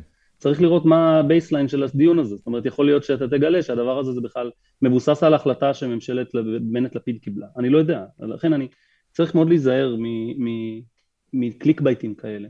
אוקיי. לדעת, מהניסיון שלי הם מאוד לא, מאוד לא מאפשרים לנו לנהל את הדיון היותר... אני רוצה לשאול אותך שאלה אחרונה, איפה אתה, ובזה אנחנו גם נסיים, אני, אני מאוד מודה לך שהמשכנו מעבר לזמן, זה היה אמור להיות שעתיים, אנחנו כבר שעתיים וחצי. אמ, אוקיי. האם, האם אתה תומך בחוקה לישראל? אני, אני אענה כך. אני חושב שכרגע אי אפשר לקבל חוקה שלא תיצור רק יותר בעיות, בגלל שלצד אחד של הדיון, או נקרא לזה לקבוצה מסוימת, במסגרת הדיון המשותף הזה של כלל הקבוצות של אזרחי מדינת ישראל, אה, לקראת חוקה, לקבוצה מסוימת יש ג'וקר. הג'וקר הזה הוא בית המשפט. וכשבית המשפט דן בעצם אומר שגם חוקה צריכה לעבור את האישור שלו, ואלה האמירות ששמענו אתמול מפיהם של מרבית השופטים אני חושב, אני לא יודע, לפחות חמישה מהם. כשבית משפט בא ואומר, תקשיבו, זה לא, זה לא משנה מה אתם תקבלו, ההחלטות שאתם תקבלו לקראת חוקה, יצטרכו לעבור אותנו בסוף. זה אומר שהשחקן הזה, ולדעתי הוא השחקן הכי חזק כרגע שיש במדינת ישראל, הוא השחקן שמחזיק בכל מוקדי הכוח האמיתיים, הריאליים במדינה, השחקן הזה לא צריך לוותר על כלום. והדינמיקה שזה יוצר למערכת, למשא ומתן לקראת כינון חוקה כזו, שבאמת סוף סוף יהיה משהו שאפשר להסכים עליו שיעבוד ושיגרום לזה שמדינת ישראל מתפקדת חברתית קדימה, בעזרת השם, למאה השנה הקרובות, הדבר הזה הוא בלתי אפשרי. ובאופן אירוני, אני באופן אישי, שמעון עטף, הסיבה שבגללה אני מקדם את הרפורמה זה בגלל שאני רוצה הסכמות בחברה הישראלית. אנשים מדברים על הסכמה רחבה, אבל הם בעצם באמת אומרים, תן לנו זכות וטו על כל דבר שאתה, שאתה רוצה לקבל. זה אני לא מסכים. אני חושב ש... אני כן חושב שברגע שבית המשפט יחדל מלהיות זה שהוא הפוסק האחרון בכל נושא, ושהוא כרגע בלפחות מייצג בהרכב שלו הנוכחי רק צד אחד של הדיון וגם צד קטן שלו, זאת אומרת אפילו לא חצי אני אומר. אני לא חושב שבית המשפט מייצג יותר מציבור יחסית קטן בתוך האופוזיציה. אמ, ברגע שהדבר הזה יקרה, ברגע שהוא יצא מהתמונה וייתן לדמוקרטיה הישראלית להתחיל לדבר סוף סוף אחד עם השני, כשיש גם מה להפסיד מדיון כזה, זאת אומרת אני אצטרך לוותר על משהו כנראה, אז אנחנו סוף סוף נצליח להגיע להסכמות אמיתיות. והסכמות אמיתיות זה הסכמות שכל אחד נותן משהו. ואז החרדים, סוף, הם ידעו שכשהם נותנים משהו הם גם מקבלים משהו בחזרה. וזה גם יגרום להם להסכים לתת. כן. אנחנו נמצאים עכשיו במצב שהשחקן וטו הזה גורם לזה שאנחנו לא מסוגלים, הכל תקוע. אף אחד לא מסוגל לוותר על שום דבר, כולם בחרדה מזה שהולכים לקחת לו הכל. ואני חושב שזה המצב, שזה הפלונטר שאני תולה את הבעיה בבית המשפט. אפשר להתווכח איתי על זה. כן. כמו שאמרתי, זה ויכוח על המציאות. שמעון, המון המון המון תודה לך על השיחה הזאת. זה היה לי תודה. אה, מרתק ומעניין ומחכים. תודה רבה רבה שלך.